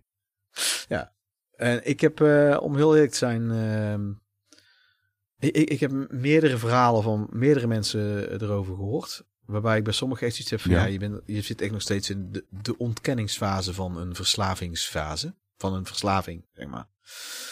Ehm, waarbij ik hoop dat ze eruit komen. Ik ken ook iemand die heel persoonlijk zich ervan bewust is dat het bij hem fout ging en het nog steeds niet kan laten. Eh, eh, maar goed, laten we eerst eens eventjes, voordat we het daarover gaan hebben, ehm, eventjes in zijn algemeen gaan zeggen wat we er goed aan vinden en slecht. Eerste vraag is dan, wat Nou, ik- vinden wij goed aan achievements? Alex, wat vind jij er goed aan? Eh, nou, ik wil eigenlijk beginnen met eh, of jij nog weet wat, wat jouw eerste achievement was. Die Oh. jij eh, hebt unlocked. Ehm, nou, ik, ik kan het waarschijnlijk nagaan wat het was. Ja. Want ik heb ehm, een Xbox 360 gekocht tussen het lesgeven door. Toen mijn PlayStation 3 kapot was binnen zes weken. En ik heel verbitterd en boos en gefrustreerd was daarover. Ehm, en de kerstperiode stond voor de deur. Dus dat was, en ik was vrijgezel. En ik woonde toen ook nog bij mijn ouders trouwens zelfs. Dus ik had echt heel veel tijd. Ik wist dat ik twee weken lang alle tijd van de wereld ging hebben. Waarbij ik één avondje met Mhm. vrienden ging zuipen en eten. En dat was het dan verder wel. En dus ik heb toen ben ik naar binnen gerend bij de Free Record Shop. Ja, ik wil die Xbox en heb je, heb je Gears of War liggen en heb je Mass Effect liggen. En hij zei allebei ja. Ik zei, kan je die pakken voor mij? Ja, is goed. En toen stond ik binnen 10 minuten weer buiten. Met een compleet verbaasd personeel. Eh was heel erg grappig was dat. En, eh, eh, dus het, en ik ben Mass Effect gaan spelen diezelfde avond. Dus het is gewoon de, de eerste achievement die je haalt in Mass Effect. En dat is geloof ik wanneer je... Die haal je, als ik me niet vergis, als jij... Volgens Op mij die Eden planeet. Prime het gedaan. ja, precies. Ja, ik kwam niet even niet op de naam Eden Prime. Ja. En toen had van, wat is dit voor iets? En het heeft me ook heel lang, heel weinig geïnteresseerd. Zal ik heel Oké. Oké. Ik heb, eh, eigenlijk ben ik pas er eh, wat meer voor gegaan. ehm, toen, ehm, nou ja, eh, eh, ik, ik, ik heb het eigenlijk in het begin een beetje op een gezonde manier gedaan. En dat doe ik nou weer op dezelfde manier als ik het toen deed. Eh, namelijk, ik, ik speel zo'n spel, ik vind het spel vet. En ik kom erachter dat ik het meer zou willen spelen. Of dat ik het nog een, een tweede ronde zou willen doen of zoiets. Want dat hebben best wel veel games, kan ik dat bij hebben. Hoewel die, die enorm gigantische Ubisoft games die nou uitkomen, na, na 200 uur hoef ik ze nooit meer te spelen, denk ik, helaas. Ehm, replayability mag best wel weer eens een factor zijn. En dat was toen nog zeker het Ja. geval. Eh, Mass Effect heeft, vind ik, een redelijke sweet spot qua lengte. Want het duurt best wel lang. Het, is, het voelt absoluut niet als een kort avontuur aan. Eh, maar het is wel leuk om het nog een keer te spelen. Het voelt, het voelt niet aan als, oh, nou, dit was zo lang. Laat maar zitten. Eh, dus ik heb voor Mass Effect, kan ik me herinneren, ehm, niet deel 1. Ik vond het niet heel boeiend. Ik ben ik jaren later toen nog deel 1. Maar ik heb wel een heel aantal van die Xbox spellen waarbij ik zoiets had van, nou, ik heb wel zin in nog een ronde. eh, en voor de PlayStation 3 hetzelfde verhaal. En de eentje die er echt Mhm. tussenuit springt, een game reeks die er tussenuit springt, voor mij persoonlijk is Dead Space. Ik heb die, eh, ik heb die ook, dat is de enige Platinum Trophy die ik heb gehaald bij een, niet bij een, een of andere kleine indie game die is in, in een half uur alles kan halen, die niet meegeteld. Eh, hoewel, ik vraag me trouwens af of ik dat voor de PlayStation 3 ooit wel gedaan heb, dat soort spellen. Maar in ieder geval, de eerste en volgens mij ook de enige Platinum Trophy tot nu toe die ik heb gehaald, is van Dead Space 2. En dat is gewoon omdat ik het ik geen genoeg kreeg van dat spel. En ik, ik, En ik heb, nou heb ik bijna alles gehaald op de Xbox 360. Ik heb dus alle... alle, Even alle voor de ik- duidelijkheid, een Platinum Trophy krijg je als je alle trofies Ja. in een game hebt gehaald op PlayStation. ja, en dat is ook tegenwoordig de term, have you plat it? Have you plat it? Plat it? Ja. I've got a plat. 100%. Ja, en eh, ik, ik ken best wel gamers met wie ik redelijk op één lijn zit. Die echt een, een, een religieus alles platinum willen halen. Of eh 100% achievement eh, gamer points. waarbij ik absoluut niet snap waarom je dat bij sommige games zou willen doen. Behalve dat je een verslaving voedt. Zonder dat je door hebt dat je dat doet. Want ongelooflijk hoe kut sommige achievements zijn. En bij Dead Space 2 Ja, vond ik ze bijna allemaal. Ik, ik kan, kan me herinneren dat er één of twee vond ik wat minder leuk. Eentje is trouwens is specifiek super moeilijk om te halen. Want dan moet je, mag je maar drie keer zeven. Eh, dat soort dingen. Maar die vond ik leuk om te halen. Dat vond ik. Ik vond. Want het gewoon. Ik speelt gewoon zo goed dat spel. En deel 1 ook. Ik heb ze, bij, ik heb ze bijna allemaal. Ik heb, alleen ik heb dus niet die drang om het per se dan binnen een bepaald tijdsbestek te halen. Wat ook heel veel van die trophy hunters en zo hebben. Mhm. Ehm, Dead Space 2 op de PlayStation 3 wel. Ik ben hem toen nog gaan spelen op de PlayStation 2. Waarbij ik trouwens, of PlayStation, op de Xbox 360 ben ik hem toen gaan spelen. Toen kwam ik erachter dat Dead Space er veel beter uitzag. Alle delen zien er beter uit op de, de Xbox 360 dan op de PlayStation 3. Eh, toen ben ik daar gespeeld en toen had ik zoiets vaker. Maar ik was in om het nog een keer te doen. Dus heb ik, de allermoeilijkste heb ik allemaal al gehaald. Ik heb dus op, voor Dead Space 2 en 3 eh, en 1 heb ik de allermoeilijkste achievements heb ik allemaal al binnen. Ik hoef alleen nou nog nou, van die bepaalde dingen te doen. Ik gebruik dit wapen 500 keer of zo. Wat juist Oh ja, heel ja, ja. leuk, wat heel leuk is bij Dead Space. Want het dwingt mij om dat wapen te gaan gebruiken. En niet alleen maar die. Of het dwingt mij om juist alleen maar dat eerste wapen te gebruiken. Daar zijn die achievements ook. Dat is het, om, om nou eventjes gelijk antwoord te geven op die eerste vraag. Dat is wat ik goed vind aan achievements. Is dat het jou motiveert om de game op een andere manier te benaderen. Waarbij als het goed is gedaan. Wat het best wel vaak ook is. Waarbij de makers hebben nagedacht over hoe vinden wij dat je de beste manier de game kan spelen. Je hebt ook van die achievements, dan moet je de game op een totaal mongoloïde manier spelen. Maar dat komt bij, dat, dat is mijn ervaring, is dat niet heel vaak. Het is meestal eh, een stealth game moet je extra goed stealthy spelen. Bijvoorbeeld Dishonored en Deus Ex en eh, zo. Splinter Cell Ja. heeft alleen de laatste dat. Je moet hem ghosten. Het is het beste als jij echt een ghost bent geweest door heel die gebieden heen. Dat is ook de beste manier om die games te spelen. Alleen ze hebben het ge- gedaan van, nou, lang niet iedereen is daar goed in. Lang niet iedereen wil die lat zo hoog leggen voor zichzelf.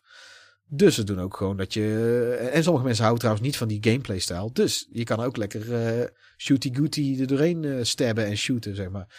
Waar je dan vaak trouwens ook aparte achievements voor hebt. Wanneer je een uh, balzout eh Schwarzenegger-stijl gaat spelen. En dat vind ik bij zo'n game die ik goed vind... vind ik het heel leuk om hem dan nog een keer te spelen op een andere manier. Dat, dat is een van de beste dingen van achievements. En, dat het, en, en net voor je en jezelf uitdagen op een leuke manier. Mits het niet te is. Wederom. Ja. Nee, daar ben ik mee eens. Eh mits het goed is geïmplementeerd door de developer, eh, kan het zeker bijdragen aan de replayability van een game. En inderdaad, zoals je eerder zei, dat je gedwongen wordt om met een compleet andere speelstijl eh, een, een game aan te pakken. Of met een compleet ander wapen dan jij eh, eigenlijk eh, gebruikt een, een game te moeten spelen. Ehm, dat brengt ook nog wel voldoening. Dus zo haal je meer uit een game. Meer dan je er normaal gesproken misschien uit zou halen. Maar ehm, er zijn ook talrijke voorbeelden van ja, luie developers die denken zoiets van, ja, we moeten achievements er tegenwoordig bij doen. En die geven voor elke poep en scheet eh, geven ze een achievement. En dan heb je eigenlijk niet het gevoel dat je iets hebt bereikt. Ehm, dus voor, mij moeten er eigenlijk wel een bepaalde sweet spot tussen zitten. Niet eh, dat je constant eh, achievements om je oren krijgt geslingerd. om, omdat je twee keer een, een bepaald iets doet. Nee.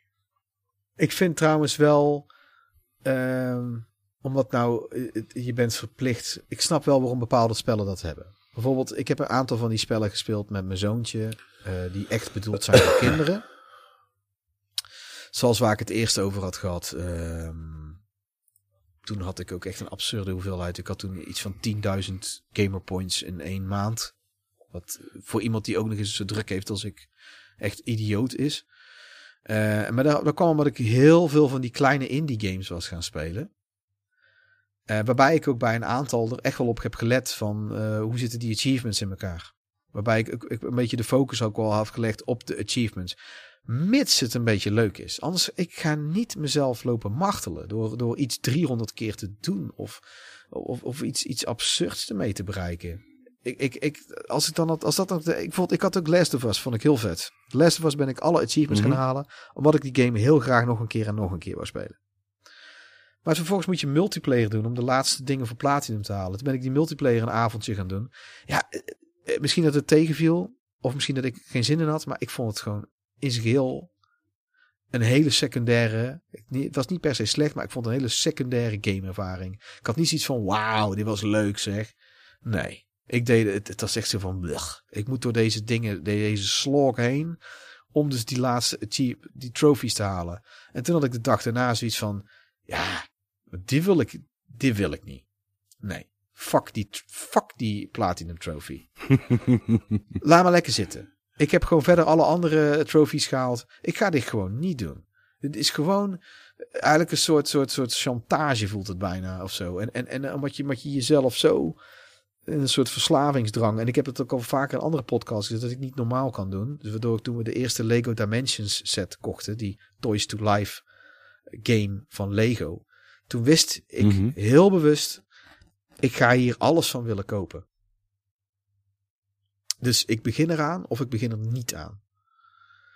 En ehm, met achievements heb ik dat nou los leren laten. Die drang om het per se allemaal te halen. En daardoor speel ik nou zo relaxed spellen. Ik kijk gewoon als ik een spel nog een keer zin heb om te spelen. Of ik ben een eentje erin bezig en ik heb zin in een uitdaging. Ga ik eens kijken wat je moet doen voor achievements. Bij wat kleinere indie games kijk ik vaak aan het begin. Eh, na, na een kwartiertje of zo van wat is nou eigenlijk het idee hier qua achievements. Nou, en dan doe ik daar wat mee. Of niet. Als ik zie dan, ja, Jeff spellen die hebben echt walgelijk eh, systeem. En ik vind ook, sommigen zijn er ook heel erg op tegen als jij gewoon het spel doorspeelt. Nou, als je level 4 haalt, krijg je een achievement. Voor Ja. sommige mensen, ja en nee, vind ik dat. Want er zijn ook mensen, die ik ken ook gamers, die zijn al zo blij als ze überhaupt een level kunnen uitspelen. Omdat ze gewoon helemaal niet goed zijn in spellen. Maar ze vinden het wel leuk om zichzelf, weet je, voor hun is dat de Dark Souls niveau al. Terwijl wij zijn in een één Ja. avondje. de- Dus ik vind het helemaal niet slecht als jij, als jij een aantal achievements besteedt aan het feit dat jij het gewoon weet uit te spelen. Ook al is het voor een, een gamer zoals wij heel makkelijk om te doen. Ik vind dat helemaal niet. Zeker nou ik mijn zoontje bezig heb gezien. Hoe blij dat hij is als hij een achievement heeft gehaald. Hij heeft trouwens een hele belachelijke gehaald met Slime Rancher volgens mij. Eh, echt iets best wel knaps. dat is heel grappig was dat.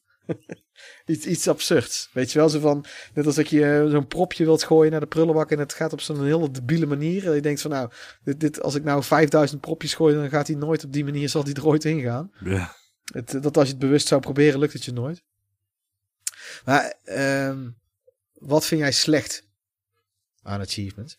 Nou, ah, ik, ik wilde eigenlijk eh, nog over mijn, eh, mijn eerste achievement hebben. Oh, sorry. Want ja, ik heb het ja, opgezocht. Mijn allereerste achievement was op een eh, Xbox 360. eh, op het moment van opname 16 jaar, 1 maand en 2 dagen geleden. En eh, dat was de achievement genaamd The Machine in Quake 4. En die was 15 punten waard. En wat je daarvoor moest doen, was een level uitspelen met enkel de machine gun. Die, die, die heb ik gehaald op 17 december 2005. En, Dat is vet. Ja, ja, daar is mee begonnen eigenlijk. Want ehm, ik wist van tevoren al dat eh, toen die eh, Xbox eh, 360 werd aangekondigd, toen, eh, hebben ze ook meteen eh, heel dat achievement systeem aangekondigd. En eh, ja, mij, leek het wel leuk. Ik zag de potentie ervan in. En ik was eigenlijk vanaf het begin eh, al meteen hooked. ehm, om die, ehm, vooral om die goede redenen die wij net hebben genoemd. Maar in het begin merkte je ook vooral dat er heel veel developers waren die, die wisten totaal niet eh, wat ze aan moesten met die achievements. En die gaven je inderdaad voor, voor niks gaven ze jou, eh waar ze van spreken, 100 punten. eh terwijl Ja, je niks had, had gedaan. En andersom En, ook, want ehm, ik had Fear, Fear die First Encounter Assault Recon. Ja, oh ja, ja, ja, ja, ja. ja. Assault Recon, vind ik ook heel Mooi mooi. af- Maar die, Mooie afkorting. Wat trouwens, trouwens een hele vette game is. En ik heb echt een zwak voor Monolith. Ja. Omdat die zo'n enorm goede sfeer bouwen. Echt oh, heel goed. Eh, Die, maar die, eh die, achie- heb je die wel eens gekeken? Waar je voor die achievements moet doen. Er zullen mensen zijn die dat echt geweldig vinden. En er zitten ook een paar goede bij, maar het is vrij absurd. Je moet die game, denk ik. Want je hebt zo bij trueachievements.com. Voor de mensen die echt verslaafd Yes. zijn aan achievements halen. Heb je ook Mhm. van eh, wat is de minimale hoeveelheid runs die je moet doen om de game, die game om alles te halen. Dus dan staat er, ja, als je de game gelijk begint op eh, hyper extreme difficulty, hoef je het maar één keer te doen. Dat soort dingen staan er dan in. En die game moet je volgens mij echt vijf keer of zes keer uitspelen, wil je alle achievements halen.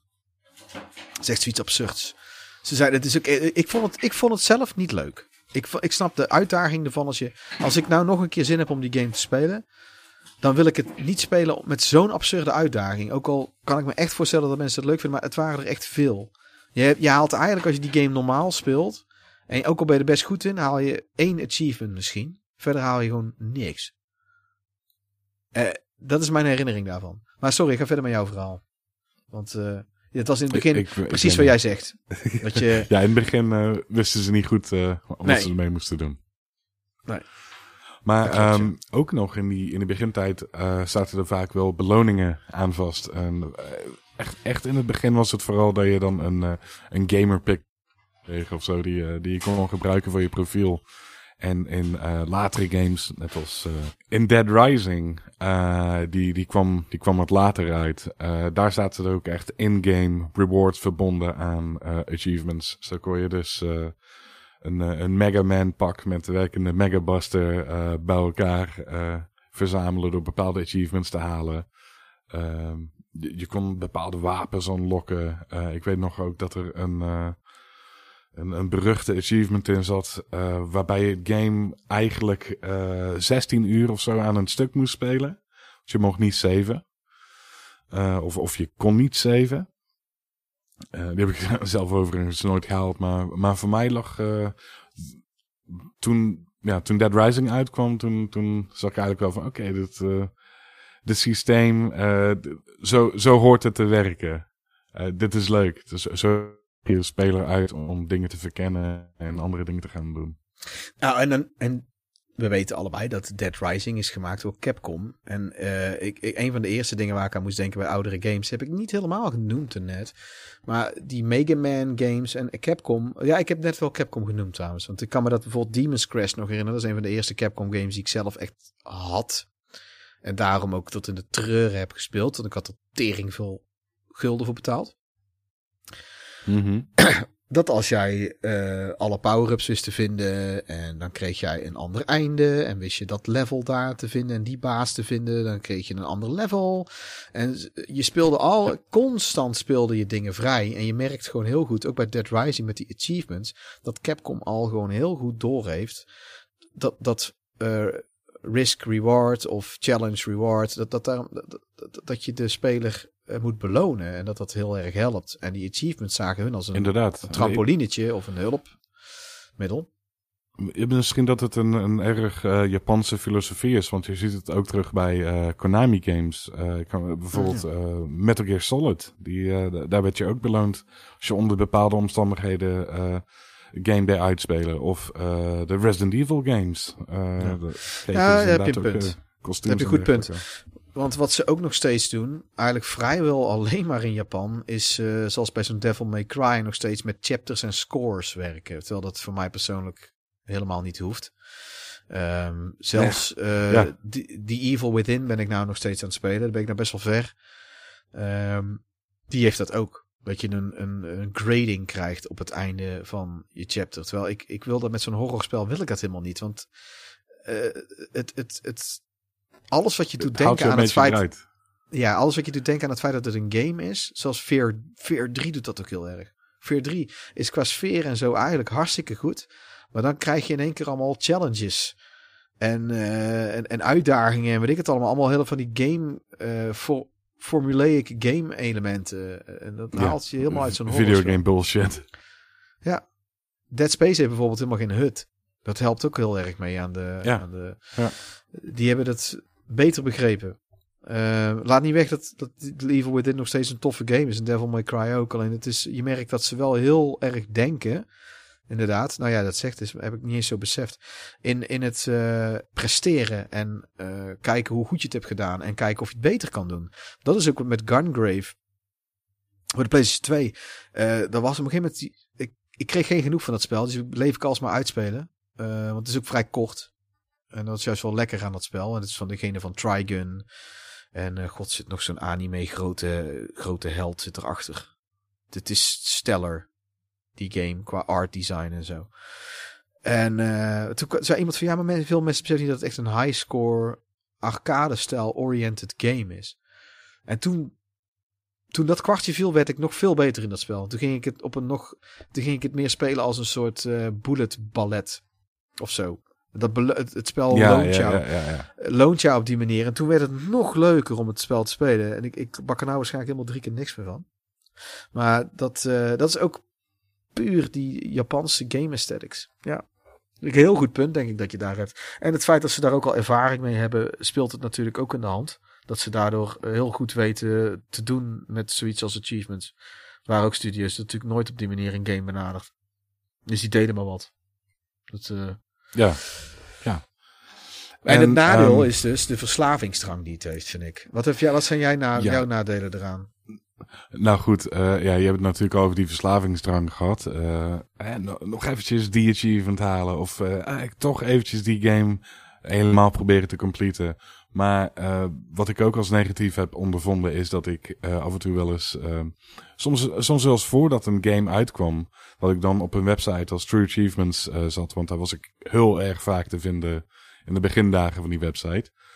Toen was ik echt een achievement hoer, om het zo te zeggen. Ehm, wat overigens ook gewoon nog steeds eh, vriendschappen heeft opgeleverd. door middels van, van, van gaming sessions en zo. Om achievements te boosten.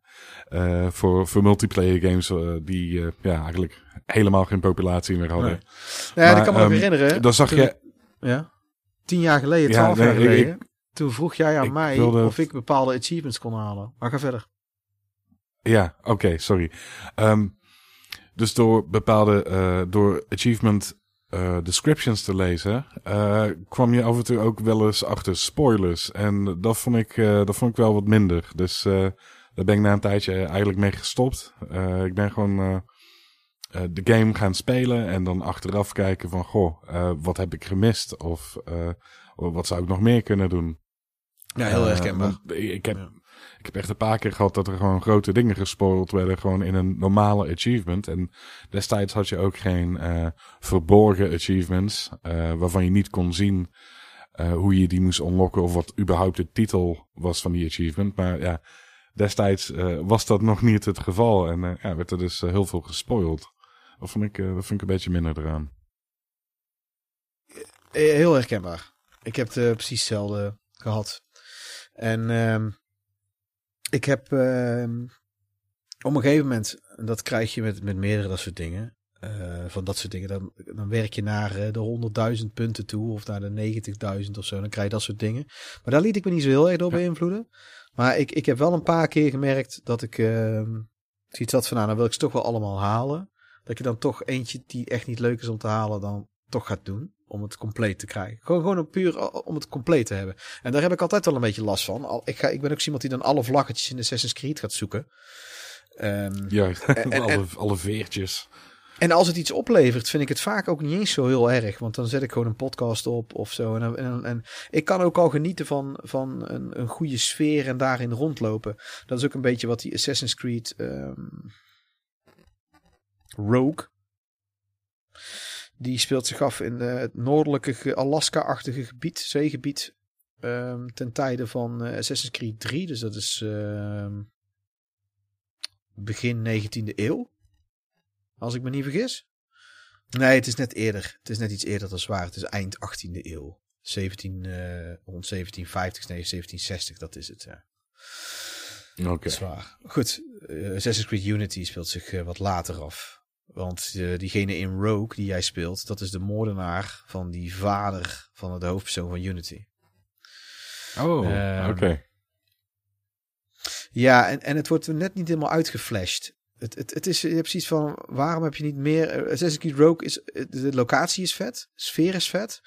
Maar je bent eigenlijk, als je dan zeg maar van de 40 uur aan gameplay die erin zit, daarvan ben je echt 30 uur ben je kwijt aan, aan shit zoeken en onzin eigenlijk. Dat is een beetje overdreven nou trouwens. Het is iets minder, maar die main story missions zijn echt kort. Ze zijn interessant, maar echt kort gewoon. Uiteindelijk heb je zoiets van, je had daar veel meer mee kunnen doen. En dat vind ik een heel duidelijk voorbeeld van wat momenteel een probleem is bij heel veel games. En de, de, de main, de, het, het hoofdgedeelte is veel te klein in verhouding tot de enorme lading meuk die eromheen kan doen. Wat Ja, leuk heel is. veel, heel veel filler. Ja, en, en, en een beetje filler is prima, vind ik. Wat ik, wat ik al zei, ik, kan me, ik, ik, ik vind die Assassin's Creed Rogue wereld heel gaaf en die sfeer heel gaaf. Dus ik kan me echt urenlang vermaken door, door maar gewoon een beetje rond te lopen en wat dingen te zoeken. Tot op een bepaalde hoogte. Het voelde op het laatste aan als werk. Gewoon. Om nog die laatste Ja, dingen te halen. Ja. Ja, En, en, en, en dat, is, dat is echt heel annoying als het zo is. En, en dat kan een beetje het geval zijn.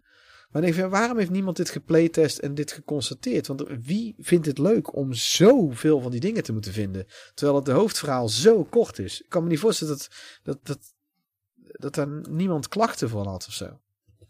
En die achievements eh, hebben dat allemaal wel een beetje in de hand gespeeld. Want je kreeg op een gegeven moment ook gewoon geen unlockables meer. Dankzij achievements.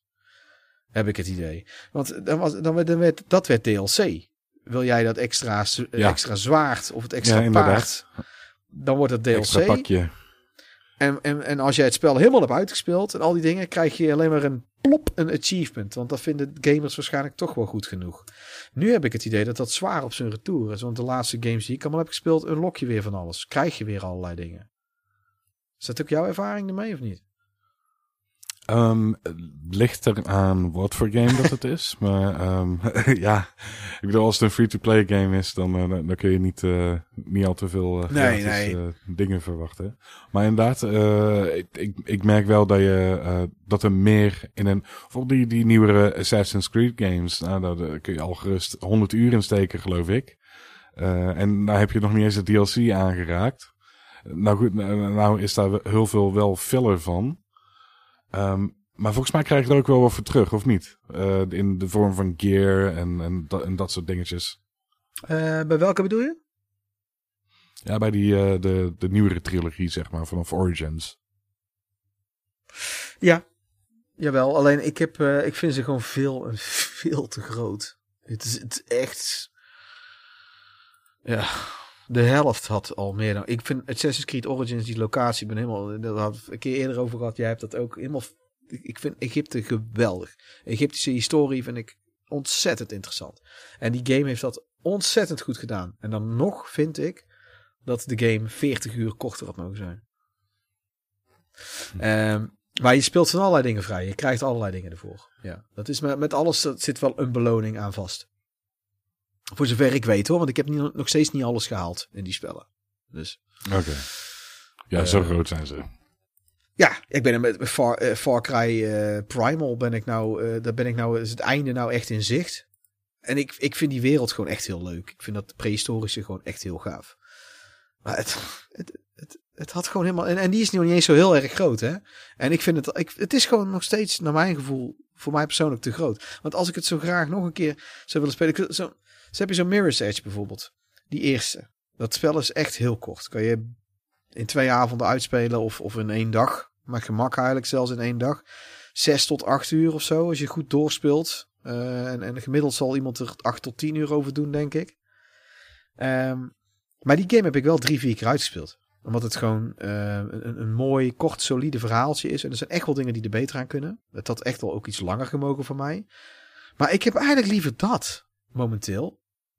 Dan, dan dat het fucking 150 uur lang is. Maar goed, dat is, dan gaan we over een heel ander ding. En maar dat is met, trouwens, het relateert wel aan achievements en trophies. Want eh, het dwingt mij wel weer om het spel nog langer te spelen. En zo'n Dead Space speel je toch ook binnen de 20 uur uit. Meestal, Mhm. ongeveer. Ja, en ik had zoiets van, ah, ik heb zin om nog een keer te gaan. Het, speel, het is zo vet spel. Het verhaal, het- alles is gewoon goed. Ja, en als je dan nog een extra excuus hebt in de vorm van, ah, ik kan die achievement wel halen, dan, eh, Precies. ja, dan geeft het wel weer motivatie. Ja, Ja, want ik, ja, ik, ja. ik heb het, die, ehm, ik heb het ook wel gedaan, die hele moeilijke achievement halen. Ik wist ook dat daar krijg je ook hele vette beloningen voor. Dus niet alleen maar een achievement. Al, ik weet niet of ik het had gedaan als ik alleen maar een achievement had unlocked, om heel eerlijk te zijn. Want daar mag je maar drie keer zeven. Het is echt heel erg. Weet je, De moeilijkheidsgraad ligt heel hoog. En er zitten nog een paar dingetjes, eh, een paar haakjes en ogen aan. Ehm, En, en je kan best wel makkelijk doodgaan. Je hebt een paar van die locaties van die beesten die zichzelf opblazen en zo. Ja! Geluid maken die. Ja, dus, dus je hoeft maar één ding verkeerd te doen. En je, en je, je blaast jezelf aan stukken eh, dankzij hun. En je hebt ook nog stukken die door de ruimte vliegt en zo. En als je ook een ding verkeerd doet. En ik heb, het een paar, ik heb ook een paar dingen helemaal opnieuw moeten doen. Dat ik inderdaad twee uur lang opnieuw moest doen. En dat vond ik één keer niet leuk. Maar als ik eenmaal was begonnen, dat was net als zo'n arca arcade spel, House of the Dead, waar je ze ook wat ook gewoon, ja, toch vond ik het weer vet. Ik ja, ik moet het wel opnieuw doen, maar het speelt gewoon zo gaaf. En wat je unlockte bij deel 2 was een uh, zo'n uh, juichhand, zo'n rubberen juichvinger. Die ze met van die... ja, zo'n foam... Uh, ja, zo'n foam, een hele grote foam rode hand. En dan in de, vorm van een iemand die doet alsof hij een pieuw-pieuw hand heeft. Zo'n zo wijsvinger en duimpje zo omhoog, uitgestoken. En dan zegt dus die, onze Isaac Clark, zegt dan dus pieuw, pieuw, pieuw. En dan is het echt alsof het het meest brute wapen ooit is. Dan, die, die vijanden ontploffen, ontploffen echt gewoon helemaal voor je. Ja, dat is heel grappig. Je, hebt, je krijgt nog een paar één of twee dingen, geloof ik. In ieder geval dat ding zit erbij. En uh, Dead Space 3 heeft het nog moeilijker. Dan mag je zelfs helemaal niet doodgaan. Helemaal niet. Mag, je mag wel save. Oh, hij doet wel een soort safe state overal. Maar die wist hij weer als je hem weer opstart, snap je? Oh ja. En, uh, ja, ja. En dan unlock je een retro filter of zo. Het, uh, dat, die is niet eens Oh, zo heel boeiend. Ja, die is niet eens zo heel boeiend, moet ik zeggen. Maar uh, is me wel gelukt. Kan niet, dat was wel een beetje te hoor. Daar heb ik ook wel een beetje gecheat richting, het, richting het eind. Werd het zo risicovol dat ik, die, dat ik hem mijn save heb gebackupt. En toen ben ik ook inderdaad één keer dood gegaan. ja, uh, hoefde, ik, uh, hoefde ik maar een half uur opnieuw te doen in plaats van twaalf uur opnieuw. ook iets van, ik voel daar toch geen schaamte voor. Ik ga niet zeggen, dat ik, ik, weet je wel, dat vond ik net iets te. Om dan, om dan heel die game opnieuw te moeten Ja. doen. Ook al is die, ik vind Dead Space 3 ook echt een heel vet spel. Maar die is uh, ook... Uh... Maar dat vind ik dus wel. Ik, ik, ik vind wel dat achievements gekoppeld moeten zijn. Vooral de uitdagende achievements aan een beloning. Of een betere speelervaring. Anders moet je gewoon oprotten. Uh, ja, of gewoon een, een, een, een, simpele reward voordat je iets hebt gehaald. Wat voor de gemiddelde gamer misschien best een uitdaging is. Ik vind dat er een, een x aantal van een. Uh, van de, stel je hebt 20 achievements. Vind ik dat er uh, 8 tot 10. Als je gewoon de game normaal uitspeelt, best wel haalbaar zijn. Vind ik helemaal niet, uh, vind ik helemaal niet erg. Dat je er dan nog een stuk van een stuk of 10 hebt erachteraan. Van nou, als je het uh, haalt zonder gezien te worden. Als je dat level haalt. Met dat. Je hebt bijvoorbeeld ook een aantal van die games die hebben van die uh, specifieke achievements in bepaalde levels en bepaalde missies. Van weet je die missie ja. te halen op die manier. En dat is meestal keihard geplaytest. Want dan weten ja, ze van... Ik, ja? Een, een van de betere voorbeelden die ik me daarvan uh, zo meteen, die me meteen uh, te binnen schiet was toen uh, Deus Ex. Um, die eerste um, mm -hmm. ja, reboot game daarvan. Ja, dat is... daar heb ik, heb ik home playthrough non-lethal en, en stealth gedaan. En moest je ook gecombineerd doen voor een bepaalde achievement of zo. En ja, als die achievement er niet had geweest, dan had ik denk ik veel minder die drang gehad om, om die game uh, uh, ook zo uit te spelen. Dat ik op een bepaald stuk gehad van, ah fuck it, ik ben detected, uh, laten we maar gewoon uh, lekker losgaan, gewoon uh, guns blazen. Uh, nee, dit was echt gewoon volledig stealth, non-lethal. En ja, het geeft toch wel een, een bevredigend gevoel als je die achievements ziet poppen. Ja, ik heb hetzelfde gehad als wat jij nou zegt. Nou hou ik er ook best wel van om te ghosten. Ik had in die periode voordat die uitkwam, had ik de andere twee Deus Ex games helemaal uitgespeeld. Uh, want jij bedoelt uh, Human Revolution, bedoel jij? Ja, Human Revolution, ja. En uh, die trouwens nog steeds dijk van de game is, moet ik zeggen. En ja, ik, ik heb ehm, het enige vervelende daaraan is, dat is ook een van de nadelige aspecten, is als het niet helemaal goed is geprogrammeerd. Zoals ik dus nou met Cyberpunk ook had. Dat ik dan zo'n missie uh, helemaal volledig stealth heb gedaan, maar volgens de computer en volgens de game niet. Wat helemaal niet klopt. Oh ja. Dat is gewoon, wat ze, oh nee, ik had iedereen zogenaamd vermoord. Daar ging het om. Ik moest het stealth doen en uh, no lethal, no, no, killing, zeg maar. En ik heb gewoon iedereen bewusteloos gewurgd en in een ton gedaan. En toen heb ik op online gaan zoeken. En zei ze, ja, nee, dat als je iemand in zo'n ton of in zo'n doos doet of in zo'n eh, kist, dan telt dat als dood. Terwijl dat klopt helemaal niet. dus die hele missie moest ik dus opnieuw doen. Eh, maar die was al eh, helemaal wonky. Maar daar hebben we dat, dat, dat uh, sluiken in die. En, en dat was met Deus Ex ook in het begin. Die achievement, terwijl je het goed had gedaan, kon toch niet poppen. En je, had, je hebt ook wederom hetzelfde als, als nu nog steeds. Je hebt van die games waarbij je ook een soort tracking hebt. Je kan dus zien of je hem wel of niet gaat halen. Nog steeds. Ja. En, uh, of, of hè, op hoeveel procent er je zit van iets. Ja, dat klopt soms ook helemaal niet. Bij sommige spellen blijft hij op 0 staan en dan ineens heb je 40. Terwijl dat kan helemaal niet. Dat is heel vreemd. Dus dat werkt bij mij nog steeds af en toe niet met bepaalde games. Niet dat ik dat allemaal een ramp vind. Want ik, maar ik heb nou bijvoorbeeld met Alien, uh, die Aliens Colonial Marines, of nee, uh, Aliens Fireteam Elite. Die wij nog steeds ja. met z'n tweeën een keer moeten spelen. Uh, daar ja. heb ik er een hele hoop gehaald. Omdat ik vond het wel leuk om ik, ik vond het leuk om meerdere keren te spelen. En om ook uh, dingetjes vrij te spelen en zo. Op een gezonde manier.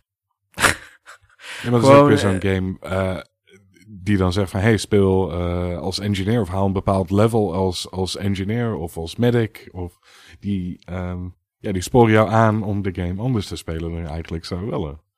Tenminste, ja, dat... dan als je uh, dan dat je gewend bent. Ja, dat zijn die, die daily challenges dingen die ze hebben. Dat vind ik inderdaad juist heel leuk. Want daardoor heb ik ook als doc best wel veel missies gespeeld. Uh, vanwege puur die reden, ja. Dat, dat is precies ook wat die goede achievements doen. En trophies. Ja.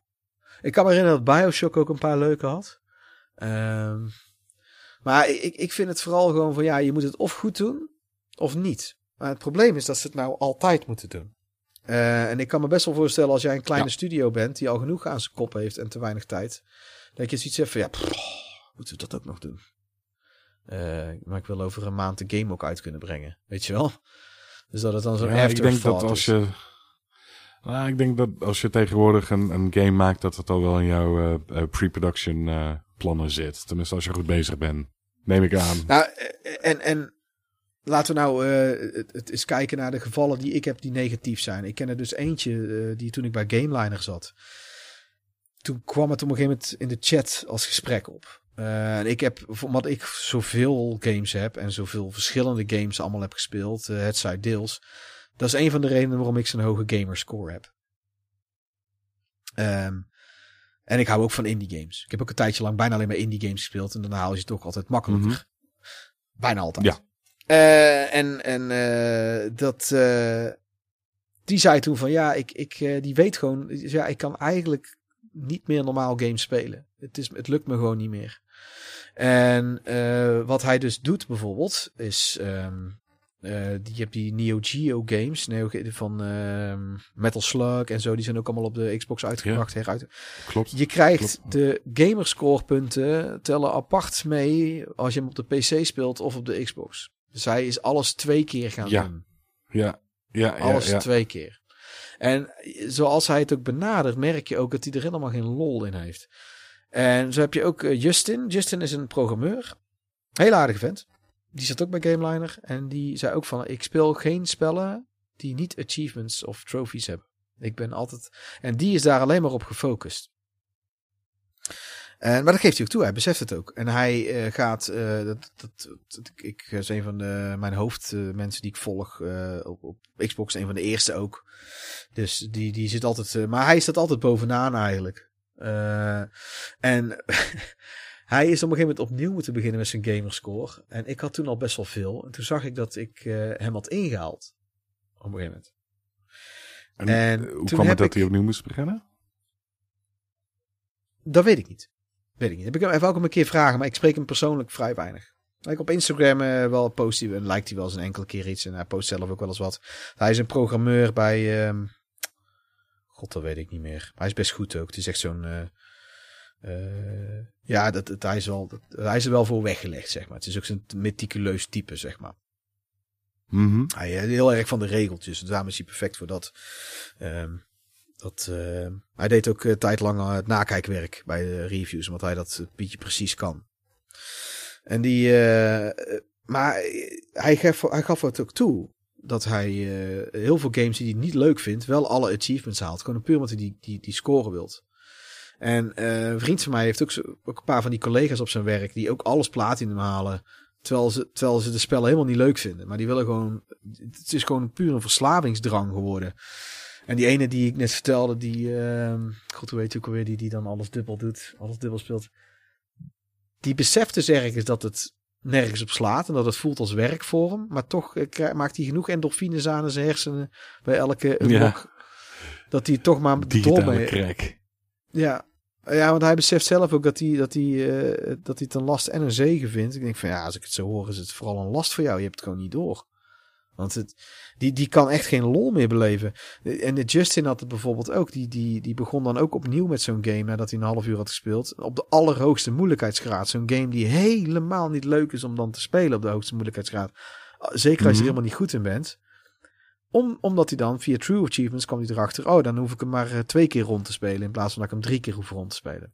Ja, Dus ja, ja. ja. Alles, alles is gefocust op het halen van achievements. Niet ga ik een mooi verhaal, meeslepend verhaal in. Ga ik een, een gave wereld tegemoet. Ga ik leuke gameplay hebben waarbij ik gewoon lol heb met het feit wat ik doe. Dat heeft bijvoorbeeld die Fear gameplay ook. Die heeft die soort bullet time actie met die, met die, die vette nail gun dingen en zo.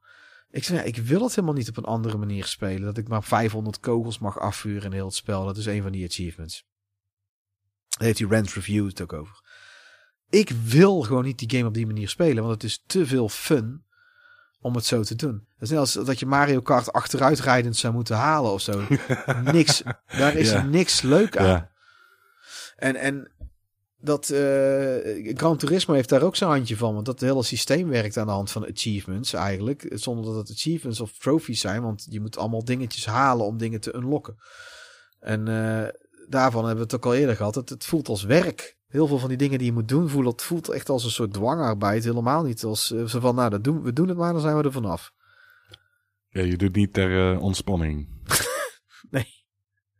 Nee. En bij Dead Space betrapte ik mezelf steeds op dat ik het helemaal niet erg vond om het, om het met die gun en die, dat wapen door te spelen. Of om, ehm, of om het met, met zo'n idioot met maar twee keer. Resident Evil 2 heb ik dat ook gedaan. Dat je maar drie keer mocht doodgaan en je moest binnen 2,5 uur uitspelen.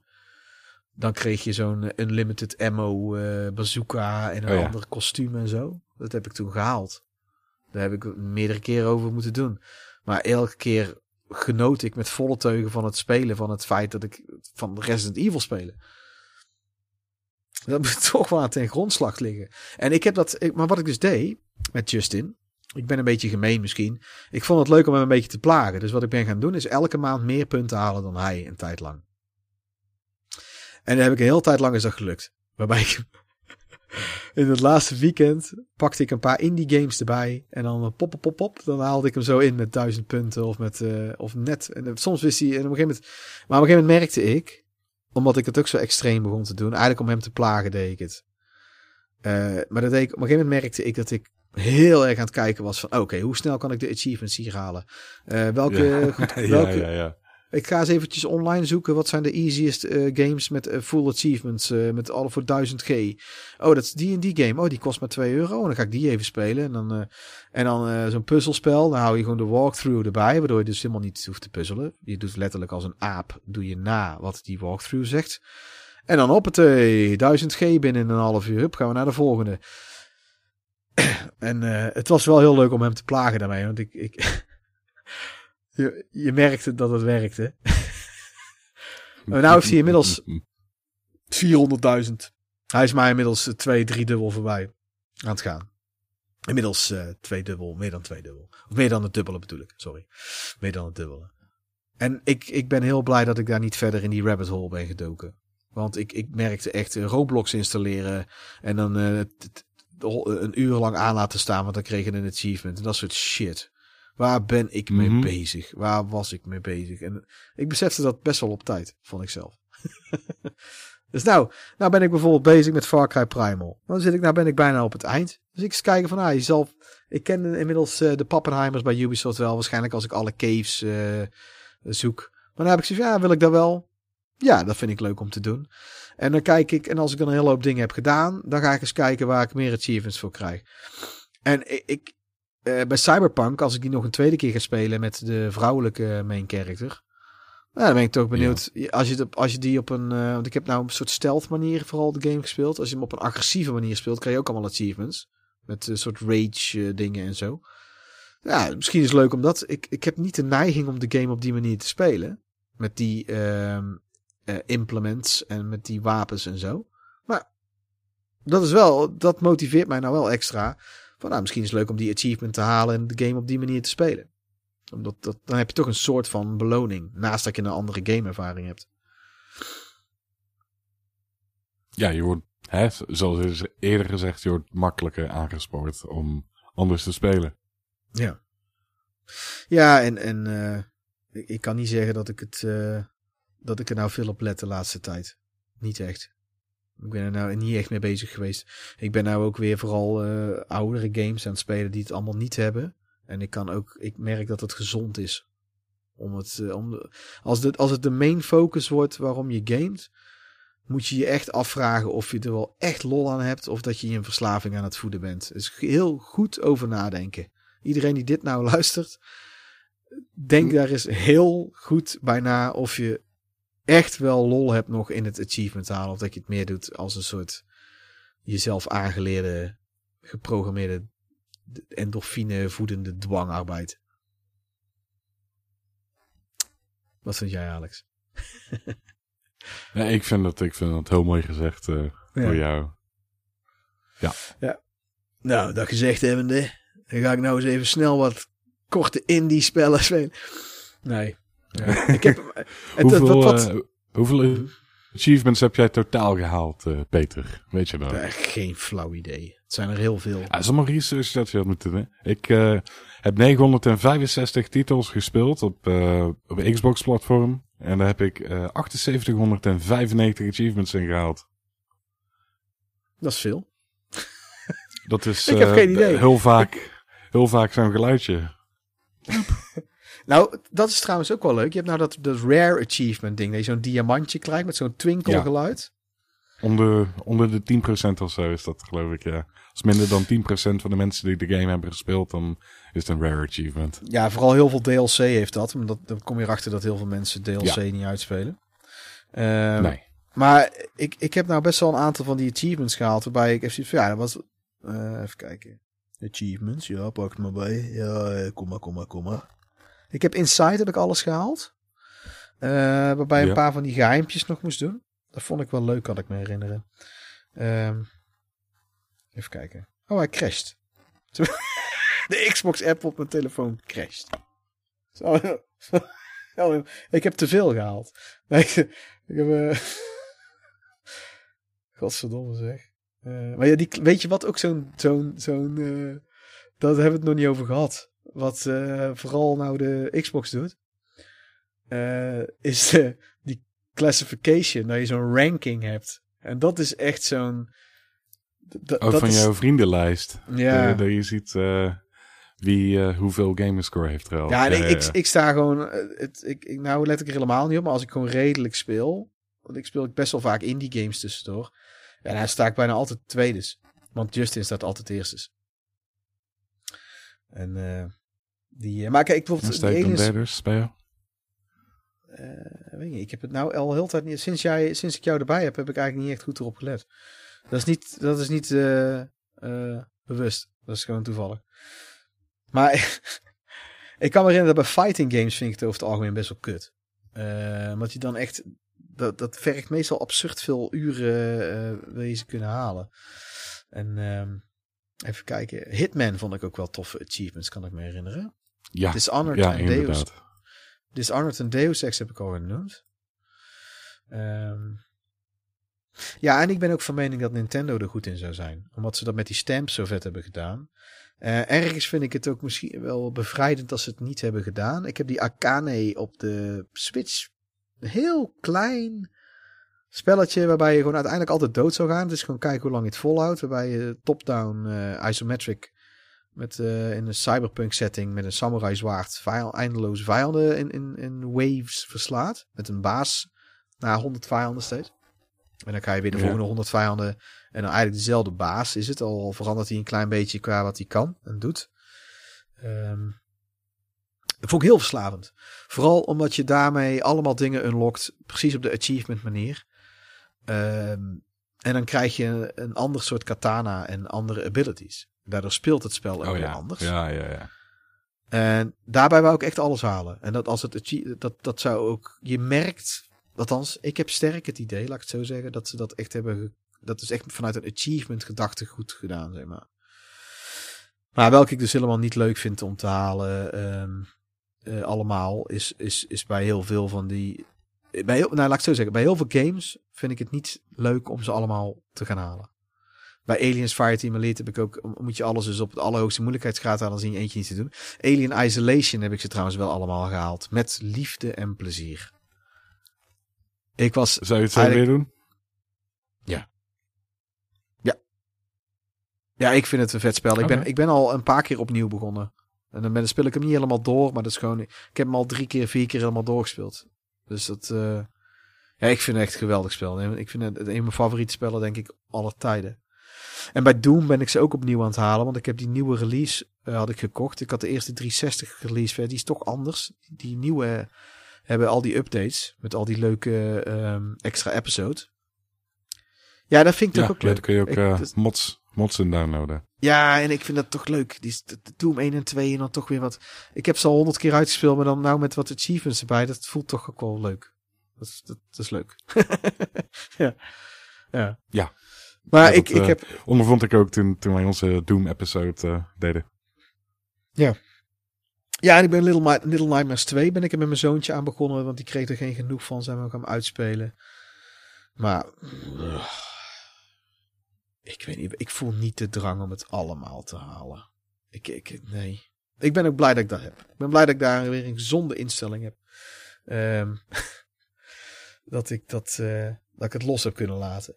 De mensen die ik ken die dat niet kunnen, daar ben ik absoluut niet jaloers op. Dat is in ieder geval. eh, En wat ik al zei, dus zodra ik het dus een game vet vind en meer eh, eruit wil halen en een challenge wil zoeken, dan ga ik vooral op de achievements letten. En tussendoor kijk ik een beetje van. eh, inderdaad, wel opgelet met spoilers. Dat is inderdaad een dingetje. Ja, Dat is. eh, ja. maar al- alhoewel dat tegenwoordig eh, grotendeels wel is verholpen door die eh, verborgen trophies en achievements. Ja. Ja, zoals ook eens een puzzelspel, daar waren ze bijna allemaal verborgen. Dan had ik ook zoiets van, ja, dan weet niemand weet dus wat ze nou moeten doen. Het is ook wel leuk als je ergens weet wat je moet doen. Dat, Ja. Nou ja, ik heb ook Mass Effect Andromeda. Dat is een van de laatste grotere PlayStation of Next Gen of recentere games. Die ik best wel, waarbij ik ook een beetje achter de achievements aan ben gegaan. Eh, Wederom niet een drang om het nog een keer te doen, maar daar heb ik zoiets van, want dat is. ehm, heb je bijvoorbeeld ook co- Complete an Insanity single player game. Or five gold multiplayer extractions from any firebase. Oh ja. Ik heb geen zin om die game op Insanity te spelen. Het zal mij heus wel lukken. Maar het, het is niet leuk. Gameervaring is niet leuk. Dus heb ik dat ook met dingen. Met, eh, ik, was, ik heb ehm, Gears of War ben ik voor de tweede keer toen allemaal gaan spelen. Maar ik zin had in heel die... Ik had alle boeken was ik gaan lezen. Boeken zijn trouwens aanraders. Ehm, ja. en toen ben ik de games ook gaan spelen. eh, eh, precies op volgorde met de boeken. Dus je hebt eerst een prequel boek. Dan heb je de game. Dan heb je een, pre een boek tussen deel 1 en 2. Dan heb je de game.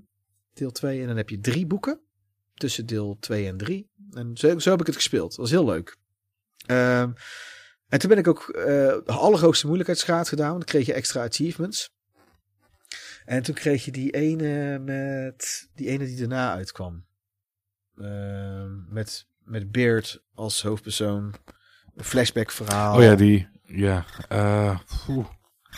Ik weet welke je bedoelt. Die, die had ook iets andere gameplay, wat meer arcade-stijl. Ook eh, gefocust op het behalen van, eh, van sterren of medals of zo. Ja, Met heette die niet wave- Judgment? Ja, Judgment heet die volgens mij. Ja, Judgment. Gears of War Judgment. Nou, die ben ik gelijk begonnen. Ik was toen inmiddels wel... eh, die kwam uit toen, toen ik dat net allemaal had gehaald. Eh, dus ik was best wel een eindbaas in dat spel geworden. Weet je wel, je weet precies welke wapens hoe ver en alles, dat soort dingen. Mhm. En dat speelt redelijk Mhm. hetzelfde bij die. Ik kan niet zeggen dat het het, het, het, het, het, het... is net als wat ik bij Last of Us heb gezegd op de hoogste moeilijkheidsgraad. Het begint... De cracks in de programming beginnen op te vallen. Er gaan spawn points vallen op. Uh, het wordt gewoon een beetje wonky op de hoogste moeilijkheidsgraad. En Gears of War doet het nog relatief best netjes. Best goed. Maar Judgment vond ik echt... Die is ook ietsje minder. Ik, wel, ik vind het trouwens niet slecht hoor. Um, maar... Ja, uh, weet je wat met het meeste tegenstaat? Er is met mijn save iets fout gegaan. En ik heb helemaal... Ik ben helemaal opnieuw moeten beginnen. En ik heb de achievements dan wel tot een bepaald gedeelte. Maar ik heb nou echt helemaal geen zin meer om, om... Ik heb nou absoluut geen zin om die game nog een keer te gaan spelen op die hoge moeilijkheidsgraad. En wat, waarop, waardoor ik mezelf erop betrap dat dat dus eigenlijk ook helemaal zo leuk niet was. Om dat te doen. Was het ook eigenlijk niet. Ook al, ook al ben ik er best goed in, hè? Ja, ja, Ik ben er best goed in. Want ik, het, het, ik haalde het relatief makkelijk. Vond ik zelf. Ik, want ik ging er redelijk goed doorheen. Alleen het was wel echt stug gewoon. Terwijl Bloodborne is ook moeilijk. Maar dat is leuk stug. En dat voelde gewoon niet aan als dat het klopt met hoe de game speelt. En toch deed ik dat voor die achievements. Dat deed ik puur voor de achievements. En ook een beetje om je naar jezelf toe iets te bewijzen op den deur. Maar ik kan ook een stap terugnemen en beseffen, ja, ik vind het nou eigenlijk gewoon helemaal niet leuk meer. Ja.